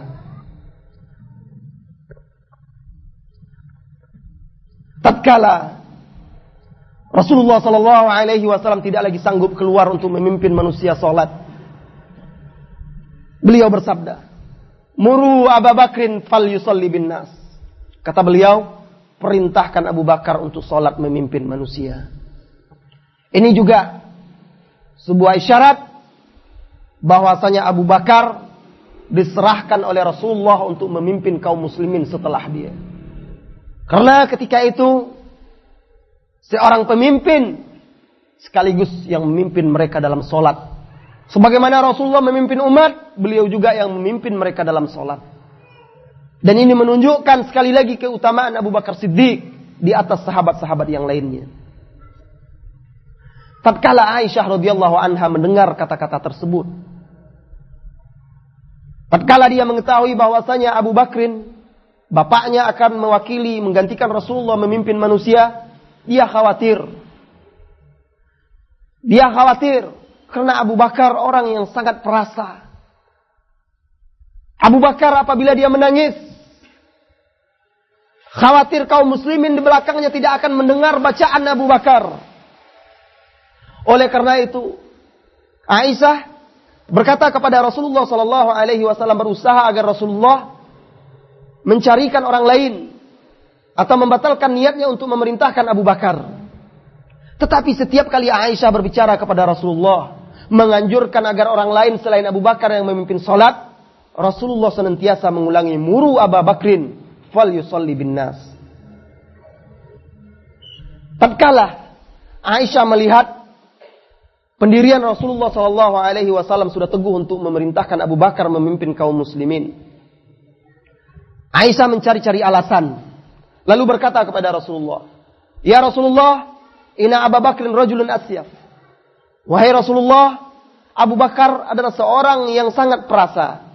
Wa innahu mata yak, mata yakumu maqamak la yasma'un nas. Kalau dia berdiri di posisimu, manusia tidak akan bisa mendengar bacaannya karena tangisannya. Falau amarta Umar, andai kata engkau memerintahkan Umar yang memimpin manusia. Akhirnya, karena mereka, Aisyah, dan juga istri yang lainnya Hafsah, terus menerus berusaha untuk mengalihkan Rasulullah Sallallahu Alaihi Wasallam. Akhirnya Rasulullah berkata kepada mereka, Mah, diam, mah, cukup. Inna kunna la antunna sawahiba Yusuf. Kalian ini betul-betul persis seperti perempuan-perempuan dahulu yang mengelabui Yusuf. Maksudnya memang perempuan ini seperti itu. Tidak pernah putus asa, berusaha untuk mengalihkan keinginan laki-laki. Seperti itulah maksudnya sebagaimana dahulu wanita-wanita menipu daya Yusuf.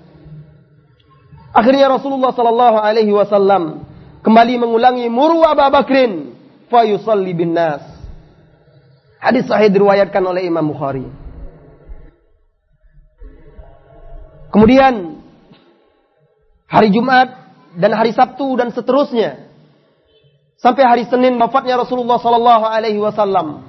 Abu Bakarlah yang memimpin kaum muslimin salat. Pada hari Ahad Rasulullah sallallahu alaihi wasallam merasakan dirinya agak ringan. Agak enteng. Waktu itu salat zuhur. Maka keluarlah Rasulullah sallallahu alaihi wasallam diapit oleh dua orang sahabat dengan menyeret-nyeret kakinya di bumi karena sudah tidak kuat lagi untuk menopang badannya. Sementara Abu Bakar sedang sholat bersama kaum muslimin. Tatkala Abu Bakar melihat Rasulullah Sallallahu Alaihi Wasallam muncul karena kamar Aisyah radhiyallahu anha pintunya itu adalah di depan. Sehingga kalau Rasulullah keluar, kaum muslimin pasti melihatnya. Di sab terdepan. Sama dengan sebaris dengan sab terdepan. Tatkala Abu Bakar radhiyallahu an melihat Rasulullah sallallahu alaihi wasallam muncul, Abu Bakar bergerak untuk mundur, mempersilahkan Rasulullah sallallahu alaihi wasallam untuk memimpin salat. Tetapi Rasulullah sallallahu alaihi wasallam memberi isyarat agar Abu Bakar tidak usah mundur dan tetap di tempatnya. Kemudian Rasulullah Shallallahu Alaihi Wasallam duduk di samping Abu Bakar, di sebelah kiri Abu Bakar. Maka Rasulullah Shallallahu Alaihi Wasallam memimpin salat dan Abu Bakar berdiri di sampingnya mengikuti salat Rasulullah Shallallahu Alaihi Wasallam dan manusia mengikuti salat Abu Bakar As-Siddiq radhiyallahu anhu. kaum muslimin dan muslimat yang dirahmati oleh Allah Subhanahu wa taala. Hari Senin itulah dia hari wafatnya Rasulullah sallallahu alaihi wasallam. Hari Senin tepatnya di bulan Rabiul Awal ketika salat subuh Abu Bakar sedang memimpin kaum muslimin salat. Rasulullah sallallahu alaihi wasallam keluar menyingkap tabir pintunya. Memandang para sahabat, kaum muslimin, yang sholat dengan barisan yang rapi. Di belakang imam mereka Abu Bakar Siddiq. Rasulullah Sallallahu Alaihi Wasallam memandang sahabatnya pandangan yang terakhir. Rasulullah Sallallahu Alaihi Wasallam memandang sahabatnya pandangan perpisahan. Ketika itu, Beliau memaksakan dirinya. Akan tetapi beliau tersenyum melihat barisan kaum muslimin yang rapi.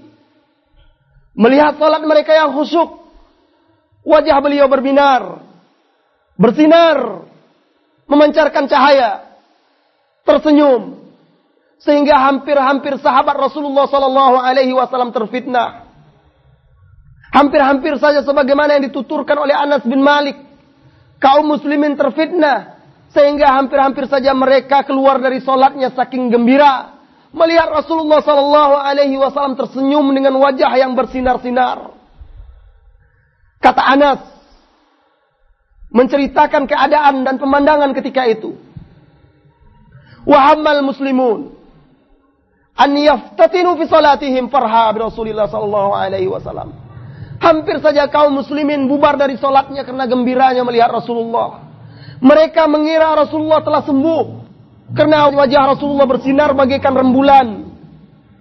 Tetapi Rasulullah Shallallahu Alaihi Wasallam memberikan isyarat dengan tangannya agar mereka meneruskan sholat mereka. Rasulullah senang, Rasulullah gembira melihat keadaan kaum muslimin yang sholat dengan barisan yang rapi.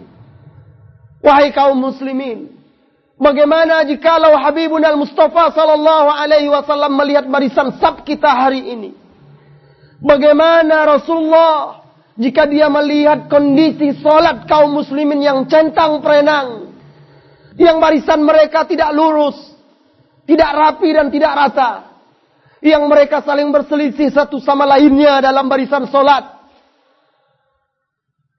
Rasulullah tidak akan tersenyum melihat kita sebagaimana dia tersenyum melihat sahabat-sahabatnya ketika itu. Kemudian beliau menutup tirai. Beliau menutup kain pintunya. Dan itulah hari terakhir beliau melihat para sahabatnya. Itulah hari-hari beliau menutup usianya. Lalu beliau masuk ke kamarnya dan kembali berbaring. Hadis ini diriwayatkan oleh Imam Bukhari. Anas bin Malik ketika itu berkata, waktu melihat Rasulullah Shallallahu Alaihi Wasallam tersenyum. Wa ma ra'aitu Rasulullah sallallahu alaihi wasallam ahsana hay'ah minhu tilka Dan aku tidak pernah melihat Rasulullah lebih bagus, lebih tampan, lebih elok daripada saat itu. Dan tatkala waktu duha semakin meninggi, Nabi Shallallahu Alaihi Wasallam memanggil Fatimah radhiyallahu anha. Maka datanglah Fatimah putrinya yang tercinta, pemimpin wanita-wanita sorga Beliau masuk menemui ayahnya yang tercinta radhiyallahu anha. Beliau melihat ayahnya terbaring, lemah, didera oleh sakit. Biasanya Rasulullah Shallallahu Alaihi Wasallam apabila putrinya datang, beliau berdiri menyambut putrinya, lalu mengecup antara dua mata putrinya, kemudian mendudukkan di sisinya. Akan tetapi kali ini Rasulullah Sallallahu Alaihi Wasallam hanya menoleh, memandang putrinya. Hanya itu yang sanggup dilakukan oleh Rasulullah Sallallahu Alaihi Wasallam. Tatkala Fatimah melihat kondisi bapaknya yang tercinta yang sangat lemah, yang hanya bisa menoleh dan memandangnya, maka meledaklah tangis Fatimah radhiyallahu anha. Beliau langsung memeluk ayahnya yang tercinta. Beliau langsung menciumnya. Air mata menetes membasahi pipinya. Seraya berkata wa kurba abatah. Wa kurba abatah. Duhai duhai beratnya yang engkau hadapi wahai ayahanda. Duhai alangkah beratnya apa yang engkau hadapi wahai ayahanda maka mulailah Rasulullah sallallahu alaihi wasallam menghiburnya meringankan perasaan dan beban tekanan jiwa yang menimpa Fatimah radhiyallahu anha.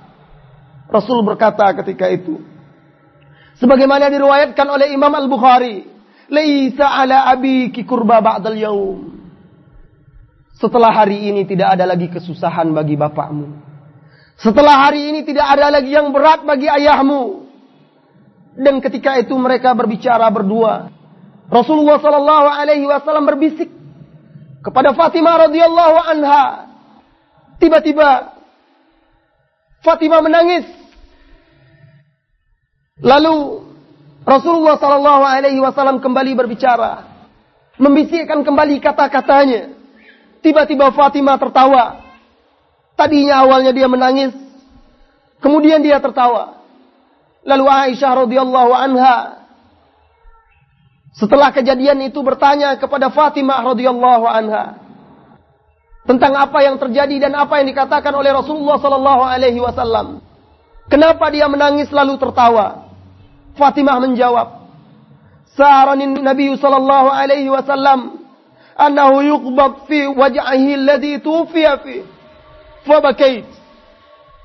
Rasulullah membisikkan kepadaku bahwa dia akan wafat, bahwa ruhnya akan dicabut dalam sakitnya ini, sehingga aku menangis sedih.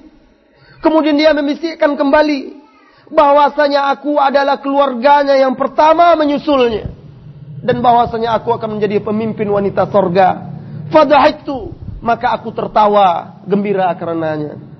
Hadis sahih diriwayatkan oleh Imam Al Bukhari.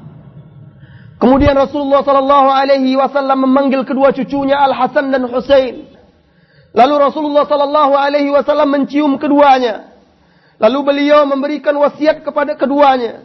Kemudian Rasulullah Sallallahu Alaihi Wasallam memanggil istri-istrinya. Rasulullah Sallallahu Alaihi Wasallam menasihati mereka semua. Rasulullah Sallallahu Alaihi Wasallam berwasiat kepada mereka. Rasulullah Sallallahu Alaihi Wasallam mengingatkan mereka. Lalu ketika itu masuk pula Usama bin Zaid. Usama bin Zaid yang digelari hibbu hibbi Rasulullah sallallahu alaihi wasallam. Kecintaan orang yang dicintai oleh Rasulullah sallallahu alaihi wasallam. Usianya ketika itu 18 tahun. Usama yang sebelum atau menjelang wafatnya Rasulullah sallallahu alaihi wasallam dipilih oleh Rasulullah untuk memimpin pasukan yang akan dikirim ke Syam memerangi orang-orang kufar Romawi. Masuk Usama bin Zaid tatkala Rasulullah sallallahu alaihi wasallam melihatnya. Rasulullah sallallahu alaihi wasallam memanggilnya. Kemudian Rasulullah mengangkat tangannya ke atas langit lalu memegang kepalanya. Diulang oleh Rasulullah sallallahu alaihi wasallam. Apa kata Usama? Maka aku tahu bahwasanya Rasulullah sallallahu alaihi wasallam mendoakanku. Riwayat ini dikeluarkan oleh Ibnu Hisham di dalam kitab sirahnya. Tatkala Rasulullah Sallallahu Alaihi Wasallam selesai memberikan wasiat kepada istri-istrinya, kepada anak cucunya, sakitnya kian bertambah. Terkadang terdengar Rasulullah Sallallahu Alaihi Wasallam menahan rasa sakitnya, nampak dari raut wajahnya. Bahkan Rasulullah Sallallahu Alaihi Wasallam pernah berkata kepada Aisyah, wahai Aisyah, Aku merasakan sakitnya bekas racun yang mengenaiku ketika di Khaybar. Terasa sakit di mulut Rasulullah sallallahu alaihi wasallam. Abdurrahman bin Auf ketika itu bertanya kepada Rasulullah sallallahu alaihi wasallam, "Ya Rasulullah, engkau merasakan sakit sebagaimana kaum muslimin merasakan sakit?" Rasulullah sallallahu alaihi wasallam menjawab, "Bala." Benar bahkan aku merasakan sakit dua kali lipat dari kaum muslimin. Lalu Abdurrahman bin Auf mengatakan, dan itu karena engkau juga mendapatkan pahala dan ganjaran dua kali lipat dibandingkan kaum muslimin ya Rasulullah. Lalu Rasulullah Sallallahu Alaihi Wasallam membenarkan. Dan adalah Aisyah radhiyallahu anha berbangga dengan nikmat ini. Apa kata Aisyah di beberapa waktu setelah itu? Inna min ni'amillahi alayya. Di antara nikmat Allah atasku. Bahwasanya Rasulullah sallallahu alaihi wasallam tuwfiya baiti. Bahwasanya Rasulullah sallallahu alaihi wasallam wafat di rumahku. Wa fi yaumi dan di hariku. Wa baina sihri wa nahri dan di antara leher dan dadaku. Wajama Allahu baina riqi wa riqihi dan Allah menyatukan antara air liurku dan air liur Rasulullah sallallahu alaihi wasallam. Maksudnya ketika Rasulullah sallallahu alaihi wasallam sedang berada di pangkuan Aisyah radhiyallahu anha, masuklah ke dalam kamar tersebut saudara Aisyah Abdurrahman bin Abi Bakrin wa fi yadihi siwak yang sedang menggenggam siwak tatkala Aisyah radhiyallahu anha melihat siwak di tangan saudaranya, lalu ia menoleh kepada Rasulullah sallallahu alaihi wasallam. Aisyah melihat Rasulullah sallallahu alaihi wasallam memandang tajam kepada Abdurrahman dan siwaknya. Pahamlah Aisyah bahwa Rasulullah menginginkan siwak. Dan Aisyah memang istri beliau yang paling mengerti dan paham keadaan dan keinginan Rasulullah sallallahu alaihi wasallam. Kemudian Aisyah radhiyallahu anha berkata kepada Rasulullah sallallahu alaihi wasallam, "Akhudhu lak." Hai Rasulullah, apakah engkau ingin aku mengambilkan siwak itu untukmu? Lalu Rasulullah mengangguk, memberi isyarat setuju. Kemudian Aisyah radhiyallahu anha mengambil siwak dari saudaranya, kemudian memotongnya dan menggigit-gigit ujungnya supaya halus. Itulah yang dimaksud oleh Aisyah Allah menyatukan antara air liurnya dengan air liur Rasulullah sallallahu alaihi wasallam. Kemudian Aisyah memberikannya kepada Rasulullah sallallahu alaihi wasallam. Lalu Rasulullah sallallahu alaihi wasallam mengambilnya dan beliau bersiwak menjelang wafatnya.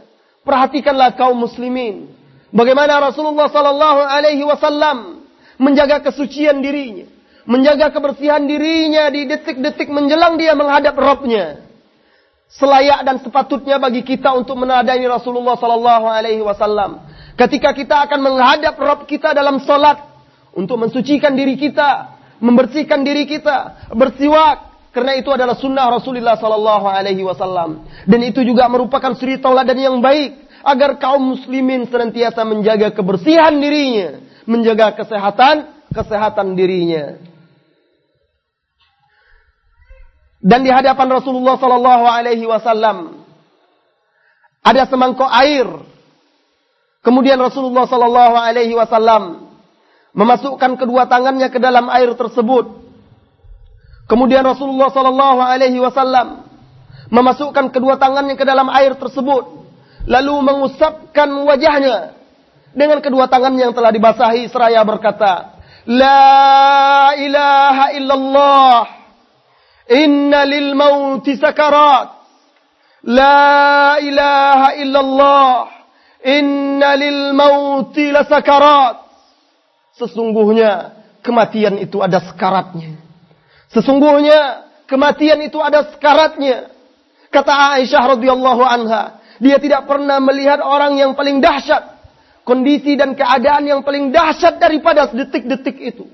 Bagaimana Rasulullah Sallallahu Alaihi Wasallam merasakan sakit ketika itu. La ilaha illallah inna lil mauti la sakarat.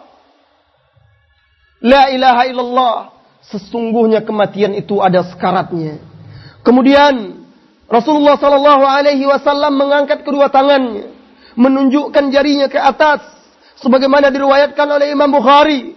Seraya berkata fir rafiqil a'la fir rafiqil a'la. Di tempat yang tinggi di tempat yang tinggi. Kemudian Aisyah radhiyallahu anha memandang Rasulullah sallallahu alaihi wasallam. Beliau tidak pernah melihat seseorang yang bersiwak secantik dan sebagus Rasulullah sallallahu alaihi wasallam lalu Rasulullah sallallahu alaihi wasallam menatap dengan tajam ke atas ke langit-langit rumah dan bibirnya bergerak mengucapkan sesuatu. Aisyah radhiyallahu anha menajamkan pendengarannya. Rupanya Rasulullah sallallahu alaihi wasallam mengucapkan di detik-detik terakhir seraya mengangkat tangannya ke atas. Ma'alladzina an'amta alaihim minan nabiyyin wasiddiqin. Ma'alladzina an'amta alaihim minan nabiyyin wasiddiqin wasyuhada'i wassalihin. Bersama orang-orang yang kau beri nikmat ya Allah. Bersama orang-orang yang kau beri nikmat yaitu para nabi as-siddiqin orang-orang yang siddiq. Bersama orang-orang yang mati syahid dan bersama orang-orang yang saleh. Allahumma gfirli warhamni. Allahumma gfirli warhamni. Kemudian Rasulullah sallallahu alaihi wasallam melanjutkan ya Allah ampunilah aku. Ya Allah rahmatilah aku birrafiqil a'la wa alhikni birrafiqil a'la ya Allah Temukanlah aku di tempat yang tinggi. Allahumma rafiqil ala. Ya Allah, di tempat yang tinggi. Kemudian pelan-pelan tangan Rasulullah sallallahu alaihi wasallam melemah. Kemudian matanya mulai tertutup. Kemudian napasnya pun mulai diam. Detak jantungnya berhenti. Inna lillahi wa inna ilaihi rajiun. Inna lillahi wa inna ilaihi rajiun. Inna lillahi wa inna ilaihi raji'un. Rasulullah sallallahu alaihi wasallam wafat. Rasulullah sallallahu alaihi wasallam sebaik-baik umat ini telah meninggal dunia, meninggalkan umatnya. La ilaha illallah. Musibah yang sangat berat menimpa kaum muslimin. Sampai-sampai ketika itu, tatkala berita wafatnya Rasulullah sallallahu alaihi wasallam didengar oleh kaum muslimin. Semuanya menangis. Yang berdiri tidak sanggup lagi duduk. Yang duduk tidak sanggup lagi berdiri. Lidah menjadi keluh. Tidak ada lagi yang sanggup berbicara ketika itu. Semuanya menangis. Sebuah antaman yang keras. Dunia terasa gelap. Apa kata Anas bin Malik radhiyallahu an?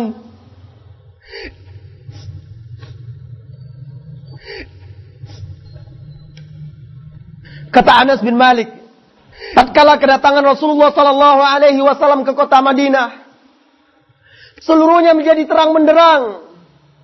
Tidak ada satupun rumah melainkan dimasuki oleh cahaya iman. Dan di hari wafatnya Rasulullah sallallahu alaihi wasallam, seluruhnya menjadi gelap gulita. Kota Madinah menjadi gelap. Ketika itu, kaum muslimin bingung. Ketika itu, di antara mereka ada yang merasa bermimpi. Di antara mereka ada yang tidak sadar lagi apa yang mereka lakukan dan mereka ucapkan. Sampai-sampai Umar bin Khattab tidak percaya dengan kematian Rasulullah sallallahu alaihi wasallam. Lalu dia mengunus pedangnya dan mengancam setiap orang yang mengatakan Rasulullah sallallahu alaihi wasallam wafat. Bahkan Umar mengatakan ketika itu, Allah hanya memanggilnya sementara sebagaimana Isa dipanggil. Kemudian akan mengutus dan menurunkannya kembali. Tatkala Fatimah mengetahui wafat ayahandanya yang tercinta, ia berkata, "Ya abata, ya abata, ajab rabban da'ah." Duhai ayahanda, Duhai ayahanda, ia telah memanggil, ia telah memenuhi panggilan Robnya. Ya abata, wahai ayahanda, min jannatil firdausi ma'wah. Jannat firdaus, surga firdaus tempatnya. Ya abata, ila Jibril nan'ah. Duhai ayahanda, kepada Jibril kami menyampaikan kesedihan ini. Hadis sahih diriwayatkan oleh Imam Bukhari. Abu Bakar Siddiq ketika itu sedang tidak hadir. Ketika itu dia berada di luar. Tiba-tiba datanglah Salim bin Ubay. Mendatanginya dengan tergesa-gesa seraya menangis. Tatkala Abu Bakar Siddiq melihat Salim bin Ubaid menangis terisak-isak. Kemudian dia berkata, La'alla Nabi Allah tawaftufi. Mungkin Rasulullah sallallahu alaihi wasallam telah wafat. Salim tidak bisa menjawab. Salim tidak sanggup mengatakan Rasulullah telah wafat. Ia hanya berkata, sesungguhnya Umar bin Khattab Sesungguhnya Umar berkata, "La yatakallam ahadun bi mautih illa darabtuhu bi sawfi hadha." Hai Abu Bakar, Umar berkata, saya tidak akan biarkan seorang pun mengatakan Nabi wafat. Melainkan aku akan memancung lehernya dengan pedang ini. Maka bergegaslah Abu Bakar. Memegang tangan Salim. Lalu membawanya pergi menuju masjid. Kemudian masuklah Abu Bakar. Dilihatnya kaum muslimin saling menangis. Dilihatnya pemandangan yang mengharu birukan di masjid. Lalu beliau berlalu masuk ke dalam kamar Aisyah radhiyallahu anha. Dilihatnya lah Rasulullah sallallahu alaihi wasallam terbujur kaku. Tertutup oleh kain. Orang-orang di sekitarnya menangis. Kemudian majulah beliau. Disingkapnya wajah Rasulullah sallallahu alaihi wasallam. Kemudian beliau menciumnya Hampir-hampir saja wajahnya menyentuh wajah Rasulullah sallallahu alaihi wasallam. Tatkala telah nyata baginya Rasulullah wafat, ia menciumnya kembali kemudian menangis dan berkata bi abi anta wa ummi. Duhai Rasulullah, ayah dan ibuku sebagai tebusanmu. Amal mautatul lati kataballahu alaika dzuktaha. Thumma lan tusibaka ba'daha mautata abada. Adapun kematian yang telah ditentukan oleh Allah untukmu engkau telah merasakan ya Rasulullah. Kemudian setelah itu engkau tidak akan lagi merasakan kematian selama-lamanya. Kemudian orang-orang yang di sekitar itu para sahabat Rasulullah sallallahu alaihi wasallam manusia bertanya kepada Abu Bakar seolah-olah mereka belum percaya seolah-olah mereka belum yakin atufiya Rasulullah Hai Abu Bakrin, apakah Rasulullah telah wafat? Abu Bakar menjawab, "Na'am ya." Lalu setelah itu, Abu Bakar As-Siddiq keluar menemui kaum muslimin. Lalu dilihatnya Umar bin Khattab masih saja berbicara mengancam manusia. Kemudian dia memberi isyarat kepada Umar seraya berkata, "Ala rislika ya Umar." Diam hai Umar. Diam hai Umar. Berhenti hai Umar. Maka Umar diam. Akan tetapi setelah itu, Umar kembali melanjutkan perkataan dan ancaman. Abu Bakar melihat Umar tidak menghentikan perbuatannya. Maka berdirilah Abu Bakar As-Siddiq. Kemudian menghadap kepada manusia. Lalu berbicara. Akhirnya manusia meninggalkan Umar. Dan menghadap kepada Abu Bakar As-Siddiq. Kaum muslimin dan muslimat yang dirahmati oleh Allah. Semua mata tertuju kepada Abu Bakar As-Siddiq. Lalu Abu Bakar As-Siddiq memuja dan memuji Allah. Kemudian berkata, Ayuhan nas, innahu man kana ya'budu Muhammad fa inna Muhammadan qad. Wahai manusia, sesungguhnya barang siapa yang menyembah Muhammad, yang mengibadati Muhammad, maka Muhammad telah mati. Wa man kana ya'budullah. Dan barang siapa yang beribadah kepada Allah fa innallaha hayyun la yamut. Hayyun la yamut. Sesungguhnya Allah maha hidup dan tidak akan pernah mati. Kemudian beliau membacakan firman Allah di surat Ali Imran. Wa ma Muhammadun illa rasul. Dan tidaklah Muhammad itu melainkan seorang rasul. Qad halat min qablihi rasul telah berlalu sebelumnya rasul-rasul Afaima ta'au kutilang qalabtum. Maka apabila ia mati atau ia terbunuh kalian berpaling kufur dan menyimpang. Wa may yanqalib ala akibai dan barang siapa yang berpaling setelah kematiannya, falayyadurullah syai'a. Mereka tidak akan membahayakan melainkan diri mereka sendiri. Wa sayadzillahu syakirin. Dan Allah akan membalas orang-orang yang bersyukur. Kaum muslimin Nabi kita Muhammad sallallahu alaihi wasallam adalah manusia seperti manusia yang lainnya. Nabi kita Muhammad sallallahu alaihi wasallam juga merasakan apa yang dirasakan oleh manusia. Allah juga berfirman sebelumnya, "Apa imitta abahumul khalidun?" Maka apabila jika engkau mati hai Muhammad lalu mereka kekal. Kullu nafsin dha'iqatul maut. Setiap yang bernyawa pasti akan merasakan mati. Tatkala kaum muslimin mendengarkan firman Allah di surah Ali Imran ayat 144 tadi. Mereka tersadar. Baru mereka ingat akan turutnya ayat tersebut.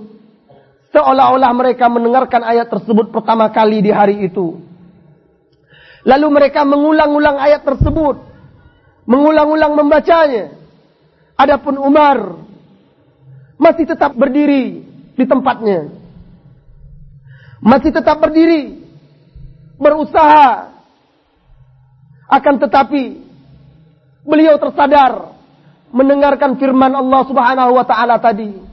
Sadarlah beliau bahwa orang yang sangat dicintainya telah wafat. Akhirnya beliau tidak lagi kuat menahan dirinya. Akhirnya beliau tidak lagi sanggup menahan dirinya. Akhirnya beliau terduduk di atas tanah menangis dan beliau berkata, Wallahi ma huwa illa an sami'tu Abu Bakrin talaha.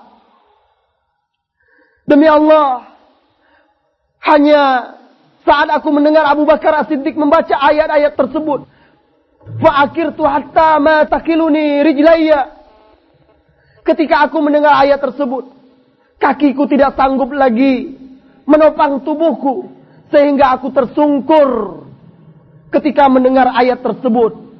Taulah aku bahwasanya Nabi sallallahu alaihi wasallam telah wafat. Sahih diriwayatkan oleh Imam Bukhari. Rasulullah sallallahu alaihi wasallam wafat wahai kaum muslimin. Akan tetapi dengan wafatnya Rasulullah sallallahu alaihi wasallam bukan berarti semuanya telah usai. Bukan berarti semuanya telah selesai. Kaum muslimin tetap berjuang. Kaum muslimin menyadari bahwa mereka memiliki amanah untuk menjalankan dan melanjutkan dakwah Islam mereka ketika itu tidak membiarkan diri mereka tenggelam dalam kesedihan. Bahkan setelah Rasulullah sallallahu alaihi wasallam wafat, jenazah Rasulullah sallallahu alaihi wasallam tetap di tempatnya sampai hari Selasa. Belum dimandikan, belum disolatkan. Karena kaum muslimin masih memiliki ketika itu urusan yang sangat penting. Yang tidak kalah penting. Mereka tidak boleh tenggelam dalam kesedihan. Mereka tidak boleh membiarkan umat tanpa pimpinan. Mereka tidak boleh membiarkan musuh-musuh Islam. Orang-orang munafikin. Orang-orang kufar. Yahudi dan Nasrani. Mengambil kesempatan ketika itu. Untuk melemahkan kaum muslimin. Oleh karena itu Berkumpullah sahabat untuk memilih siapa yang akan menggantikan kepemimpinan setelah Rasulullah sallallahu alaihi wasallam. Sampai akhirnya mereka sepakat untuk memilih Abu Bakar As-Siddiq sebagai khalifah menggantikan Rasulullah sallallahu alaihi wasallam. Barulah ketika itu di hari Selasa mereka memandikan Rasulullah sallallahu alaihi wasallam tanpa melepaskan pakaian Rasulullah sallallahu alaihi wasallam. Aisyah menuturkan, "Lamma aradu ghuslan Nabi sallallahu alaihi wasallam, tatkala mereka hendak memandikan Nabi sallallahu alaihi wasallam, mereka berkata, "Ma nadri an min siyabihi kama nujarriju mautana." Kita tidak tahu bagaimana caranya. Apakah kita melepaskan pakaian Rasulullah Sebagaimana kita melepaskan pakaian orang-orang yang mati di antara kita. Mereka bingung.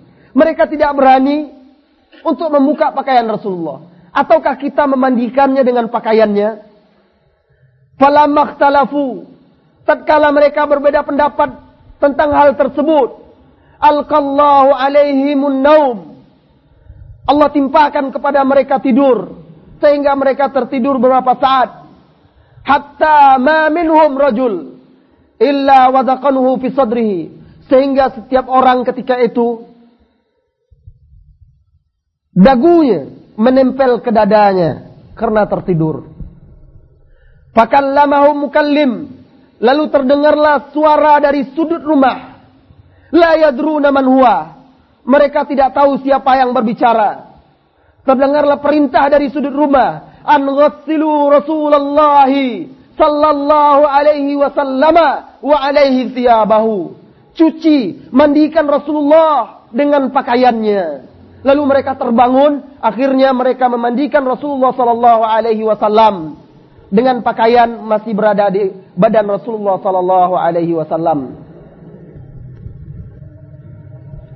Ketika itu yang ikut serta memandikan Rasulullah sallallahu alaihi wasallam adalah Al-Abbas, paman beliau, Ali bin Abi Talib, Al-Fadl ibnu Abbas, Khussam ibnu Abbas, dan Syakran, Maula Rasulullah sallallahu alaihi wasallam bekas budak Rasulullah sallallahu alaihi wasallam serta Usama bin Zaid dan Aus bin Khawla. Al-Abbas Al-Fadl dan Kusam membalik badan Rasulullah sallallahu alaihi wasallam.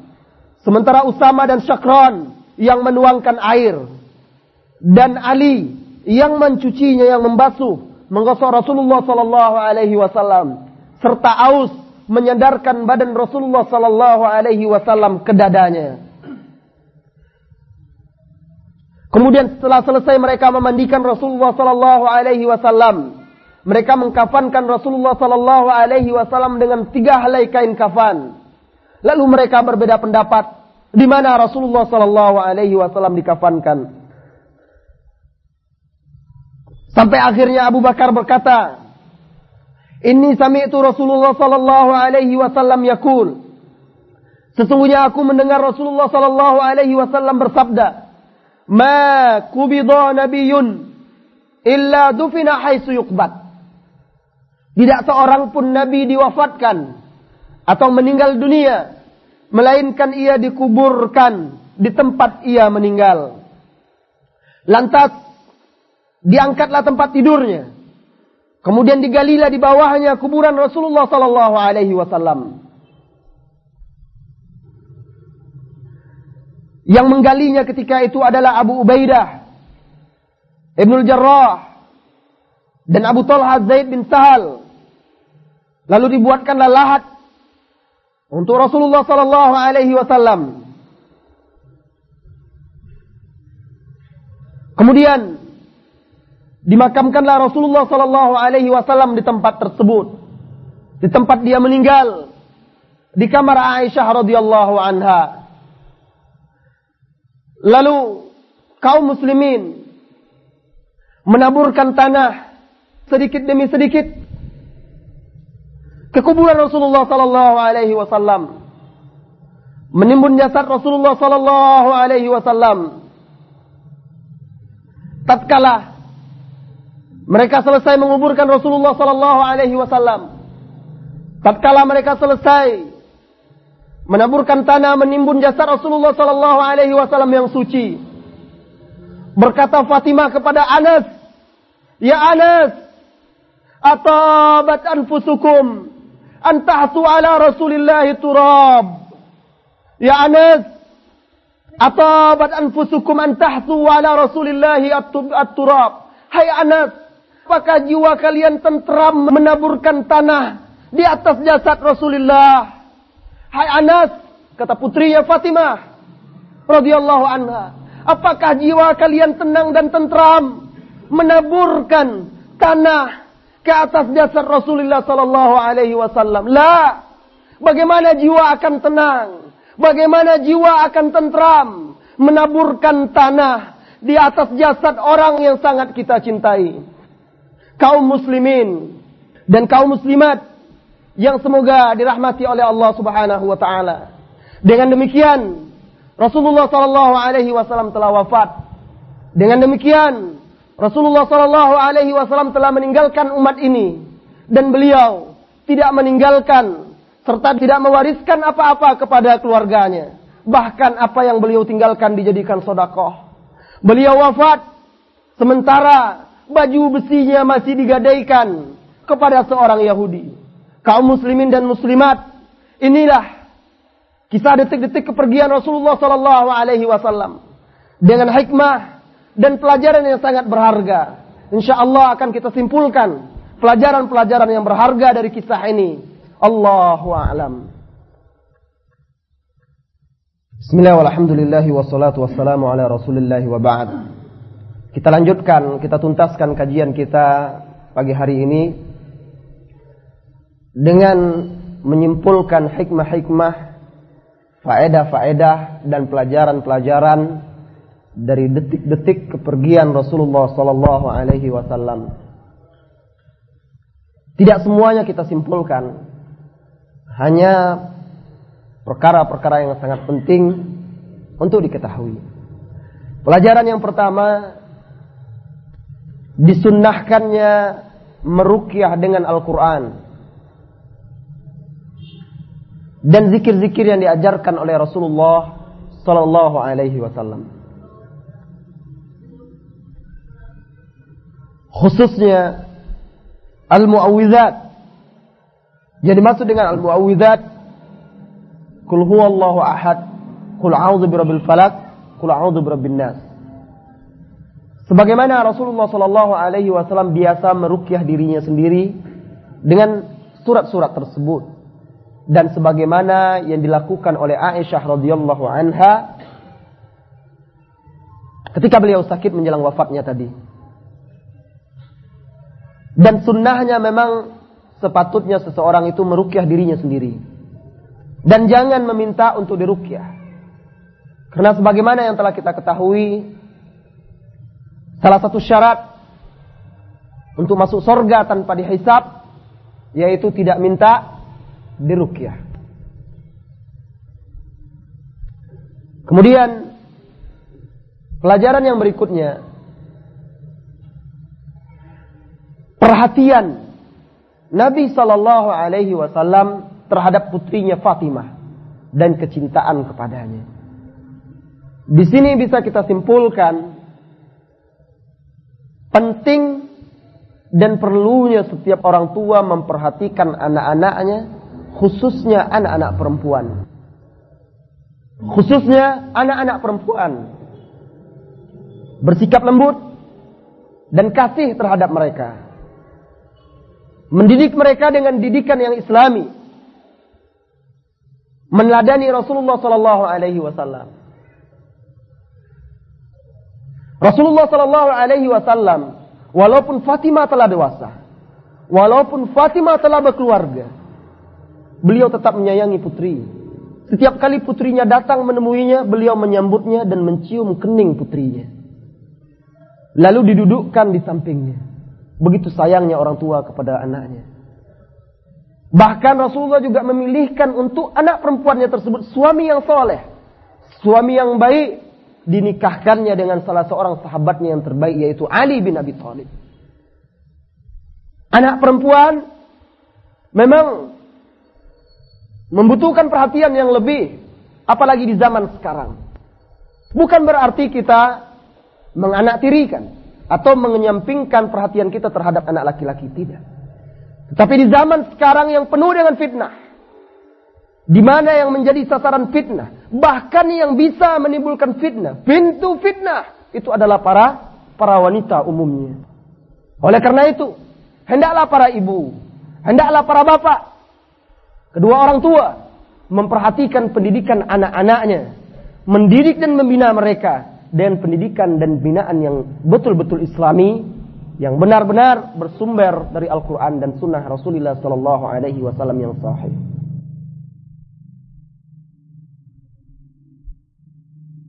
Begitu juga pelajaran berikutnya.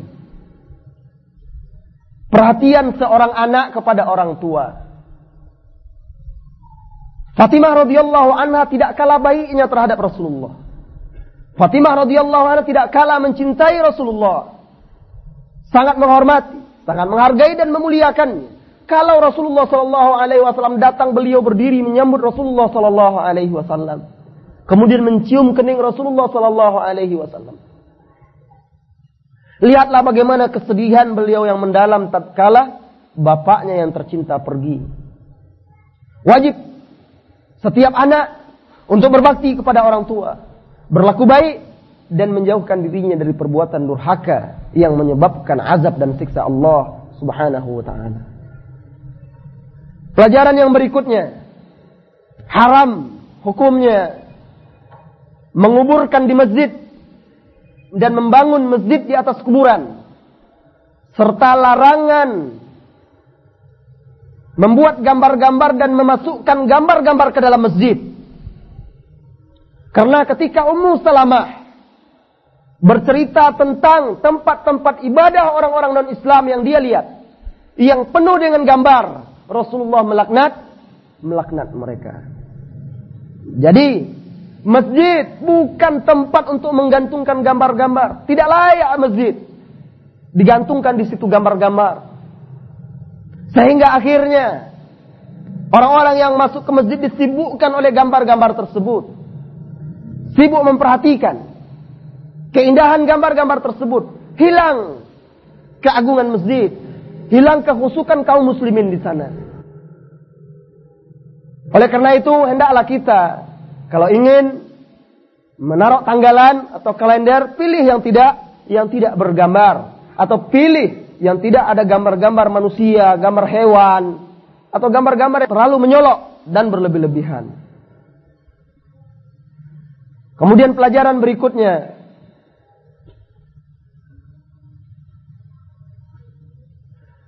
kegembiraan ahlul iman, kegembiraan orang-orang yang beriman ketika berpindah ke akhirat.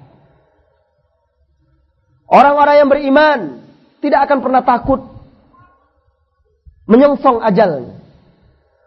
Orang-orang yang beriman akan senang dan gembira menjelang wafatnya karena dia tahu akan bertemu dengan Rabbnya. Dalam hadis Rasulullah sallallahu alaihi wasallam bersabda, "Man ahabba liqa Allah, ahabballahu liqa'ahu." Barang siapa yang suka, senang bertemu dengan Allah, Allah pun akan senang bertemu dengannya. Oleh karena itu, hendaklah kita mempersiapkan diri kita untuk saat itu. Hendaklah kita mempersiapkan diri kita untuk ajal yang akan menyongsong kita. Kalau saja Rasulullah sallallahu alaihi wasallam mengalami sakitnya sakarat, maka setiap kita akan mati sesuai dengan amalan-amalannya. Seseorang akan menutup akhir hidupnya sesuai dengan amalan-amalannya. Tingkatkan amal ibadah kita. Jaga kekokohan akidah kita. Agar semua kita bisa mendapatkan husnul khawatimah. Dan diberi keteguhan ketika wafat. Pelajaran yang berikutnya pentingnya solat dan juga solat jamaah. Salah satu tonggak Islam yang dilalaikan di zaman sekarang. Yang banyak dirobohkan dan diruntuhkan oleh kaum muslimin sendiri. Sehingga masjid-masjid kosong. Sehingga masjid-masjid kesepian. Karena sedikitnya orang-orang yang menunaikan solat yang memenuhi panggilan Allah Subhanahu wa taala melaksanakan ibadah di dalamnya. Semoga dengan mengingat kematian Rasulullah sallallahu alaihi wasallam ini mengingat wasiat-wasiatnya memotivasi kaum muslimin dan muslimat agar senantiasa menjaga salah satu wasiatnya yang sangat penting ini yaitu salat. Karena orang-orang yang dengan sengaja meninggalkan salat karena malas dan berlalai-lalai, maka ia terancam kekufuran menurut salah satu pendapat ulama. Allah Subhanahu wa taala berfirman, "Fa in tabu wa aqamus salata wa atau zakata fa ikhwanukum fid din." Jika mereka bertaubat, menunaikan salat, membayar zakat, mereka adalah saudara kalian seagama. Analoginya, bahwasanya orang yang tidak sholat, tidak membayar zakat bukan saudara seagama. Habibun al-Mustafa Rasulullah sallallahu alaihi wasallam juga bersabda, "Baina rajuli wal kufri wa syirki tarkus shalah. Faman tarakaha faqad kafar." Garis pembatas antara seseorang dengan kekufuran dan kesyirikan adalah salat. Barang siapa yang meninggalkannya maka dia telah kafir. Bagaimana seseorang bisa dikatakan muslim sementara bangunan keislaman yang tidak lagi tegak karena tiangnya telah runtuh? Bagaimana seseorang mengaku sebagai seorang muslim sementara dia tidak pernah menempelkan keningnya di atas tanah beribadah kepada Allah Subhanahu wa taala? Hendaklah kaum muslimin takut. Hendaklah kaum muslimin ingat terhadap wasiat Rasulullah sallallahu alaihi wasallam ini. Begitu juga sholat jamaah. Sholat jamaah. Salah satu syiar Islam. Yang wajib ditegakkan oleh kaum muslimin. Yang akan memupuk ukhuwah. Yang mempererat dan menyatukan hati kaum muslimin. Itu juga adalah sebabnya kenapa kaum muslimin mudah berselisih paham. Mudah terpecah belah. Karena mereka jarang bertemu dalam suasana yang dirahmati oleh Allah. Dalam satu barisan. Di belakang imam yang satu. Dalam sholat jamaah. Pelajaran yang berikutnya kewajiban merapikan dan meluruskan barisan dalam sholat. Lihatlah Rasulullah sallallahu alaihi wasallam tersenyum bangga dan gembira melihat sahabat-sahabatnya kaum muslimin ketika itu berdiri dengan saf yang rapat, barisan yang rapi, lurus di belakang imam yang satu. Pelajaran yang berikutnya, kewajiban meneladani Rasulullah sallallahu alaihi wasallam dalam segala hal. Dan itulah dia hakikat cinta yang sesungguhnya. Bukan hanya sebatas pengakuan, bukan hanya sebatas perayaan, tetapi aplikasi kita dalam kehidupan. Bukti nyata dari kecintaan kita kepada Rasulullah Sallallahu Alaihi Wasallam dengan mengamalkan syariatnya, meneladani sunnahnya, menghidup-hidupkan sunnahnya, dan memerangi bid'ah. Sungguh aneh, sebagian orang bahkan berusaha memaksakan diri, menyatakan dengan tulisan, buku-buku dan lain sebagainya, bahwasanya bukti kecintaan Rasulullah Sallallahu Alaihi Wasallam dengan mengadakan perayaan-perayaan, acara-acara dan seremonial lainnya. Ada sebuah majalah yang cukup dikenal dalam salah satu edisinya. Hampir seluruh lembaran-lembarannya mengutip dari sebuah buku yang berjudul Mana Dalil-Dalilnya. Yang menunjukkan maulid Nabi tersebut bid'ah. Dengan beraninya di dalam majalah tersebut mengatakan bahwa Rasulullah sendiri merayakan Maulid Nabi. Sahabat juga menyusun bait-bait syair dan ikut serta merayakan peringatan tersebut perayaan sebagai wujud nyata dari kecintaan mereka. Lalu kenapa kita tidak membuktikan kecintaan kita dengan hal tersebut pula? Subhanallah. Entah hadis mana atau asar dari siapa dan entah dari kitab sejarah mana pula dia menukil bahwasanya Rasulullah merayakan ulang tahun dari lahirnya. Bahwasanya Rasulullah sallallahu alaihi wasallam memerintahkan sahabatnya dan sahabatnya pun merayakannya. Sungguh ini adalah pemutarbalikan fakta dan sejarah. Bahkan mereka adalah orang-orang yang paling segera dan cepat melakukan kebaikan. Mereka adalah orang-orang yang paling berilmu. Lau khairan la sabakuna ilaih. Jika memang itu baik dan bermanfaat, jika memang itu bukti cinta kepada Rasulullah, maka orang yang paling mencintai Rasulullah adalah para sahabat. Mereka yang menangisi wafatnya Rasulullah ketika itu. Mereka yang merasa terpukul ketika Rasulullah Shallallahu Alaihi Wasallam wafat saat itu yaitu para sahabat. Mereka orang yang paling mencintai Rasulullah, tetapi sedikit pun mereka tidak melakukannya. Bahkan di dalam majalah tersebut diperlihatkan gambar-gambar dan mereka tegaskan apa yang mereka sebut dengan mahallul kiam saat berdiri. Jadi mereka di situ dilihatkan gambar-gambar ketika merayakan peringatan Maulid Nabi membacakan selawat-selawat lalu mereka berdiri bersama-sama.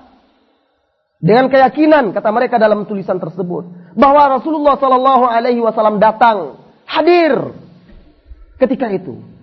Sehingga tampil seseorang membagikan parfum wangi-wangian. Karena kata mereka Rasulullah suka wangi-wangian dan Rasulullah hadir. Lihatlah khurafat. Lihatlah kepercayaan yang tidak berdasar Bagaimana Rasulullah yang telah wafat? Bagaimana Rasulullah sallallahu alaihi wasallam yang telah terbujur?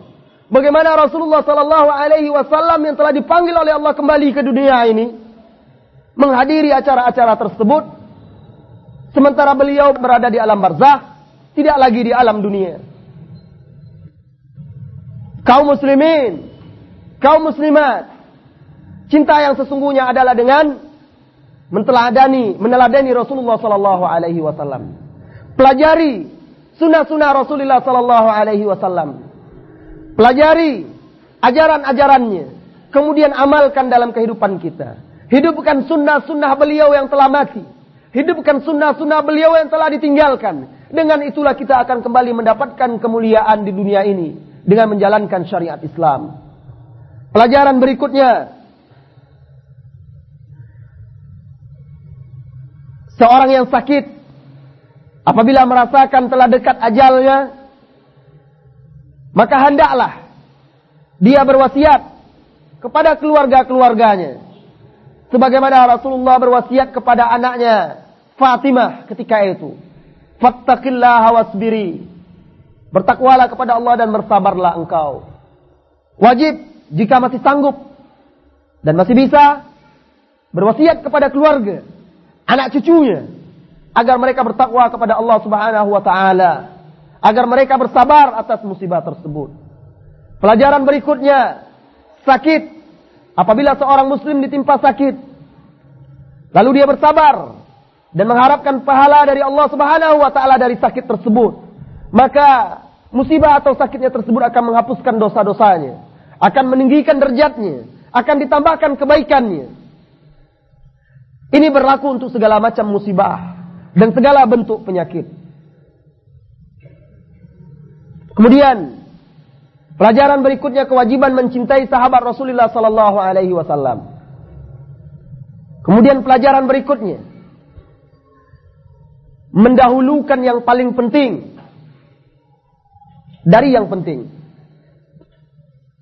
Jikalau kita dihadapkan dua masalah yang sangat penting, maka wajib kita dahulukan yang lebih penting. Ketika Rasulullah Sallallahu Alaihi Wasallam wafat menyelenggarakan ketika Rasulullah Sallallahu Alaihi Wasallam wafat adalah kewajiban kaum muslimin untuk menyegerakan penyelenggaraan jenazah Rasulullah Sallallahu Alaihi Wasallam. Akan tetapi karena ada masalah yang lebih penting Akhirnya sahabat menunda penyelenggaraan jenazah Rasulullah sallallahu alaihi wasallam. Karena masalah pemimpin kepemimpinan umat adalah sangat penting. Kepemimpinan di dalam Islam. Bahkan Rasulullah senantiasa mewasiatkan sahabatnya kalau dalam perjalanan hendaklah mereka memilih satu orang sebagai amir pemimpin. Akan tetapi namun begitu, bukan berarti kita menghalalkan segala cara untuk memilih dan menegakkan kepemimpinan di dalam Islam. Tetap saja harus sesuai dengan syar'i, dengan siasa yang telah disyariatkan oleh Allah dan Rasulnya. Kaum muslimin yang dirahmati oleh Allah, pelajaran berikutnya dan bukan yang terakhir, walaupun kita jadikan yang terakhir. Bukanlah yang terakhir walaupun kita jadikan yang terakhir karena sempitnya waktu dan keterbatasan waktu. Pelajaran berikutnya pentingnya mempelajari sirah Rasulullah sallallahu alaihi wasallam. Seperti kita mempelajari wafatnya Rasulullah sallallahu alaihi wasallam. Karena dengan mempelajari sirah Rasulullah akan semakin mendekatkan kita dengan akan semakin menumbuhkan rasa cinta. Akan semakin membuat kita mengenalnya. Nah, kalau kaum muslimin betul-betul ingin mengenal Rasulullah, ingin menumbuhkan cinta, hidupkan kajian-kajian sirah nabawiyah. Pelajari kehidupan Nabi. Baca buku-buku sirah yang bermanfaat dan bisa dipertanggungjawabkan. Ini yang sangat jarang di tengah masyarakat kita. Ini yang sangat langka di tengah masyarakat kita. Sehingga generasi-generasi muda Islam tidak mengenal Rasulullah sallallahu alaihi wasallam kecuali nama kecuali tanggal lahir. Generasi-generasi Islam tidak mengenal sosok dan kepribadian Rasulullah sallallahu alaihi wasallam. Hidupkan pelajaran-pelajaran sirah. Baca buku-buku sirah. Ajarkan kepada keluarga dan anak-anak kita, kepada saudara-saudara kita, bahkan di rumah tangga kita, di antara sahabat-sahabat kita, sempatkan majelis kalau kita berkumpul baca satu bab satu bab buku-buku sirah walaupun berbahasa Indonesia. Dengan demikian sedikit demi sedikit kita bisa mengambil faedah dan manfaat darinya. Sampai di sini kajian kita. Mudah-mudahan bermanfaat. Lebih dan kurangnya saya minta maaf. Wassallallahu wasallam ala Muhammad. Walhamdulillahi rabbil alamin. Subhanakallahumma bihamdika asyhadu an la ilaha illa anta astaghfiruka wa atubu ilaik. Assalamualaikum warahmatullahi wabarakatuh.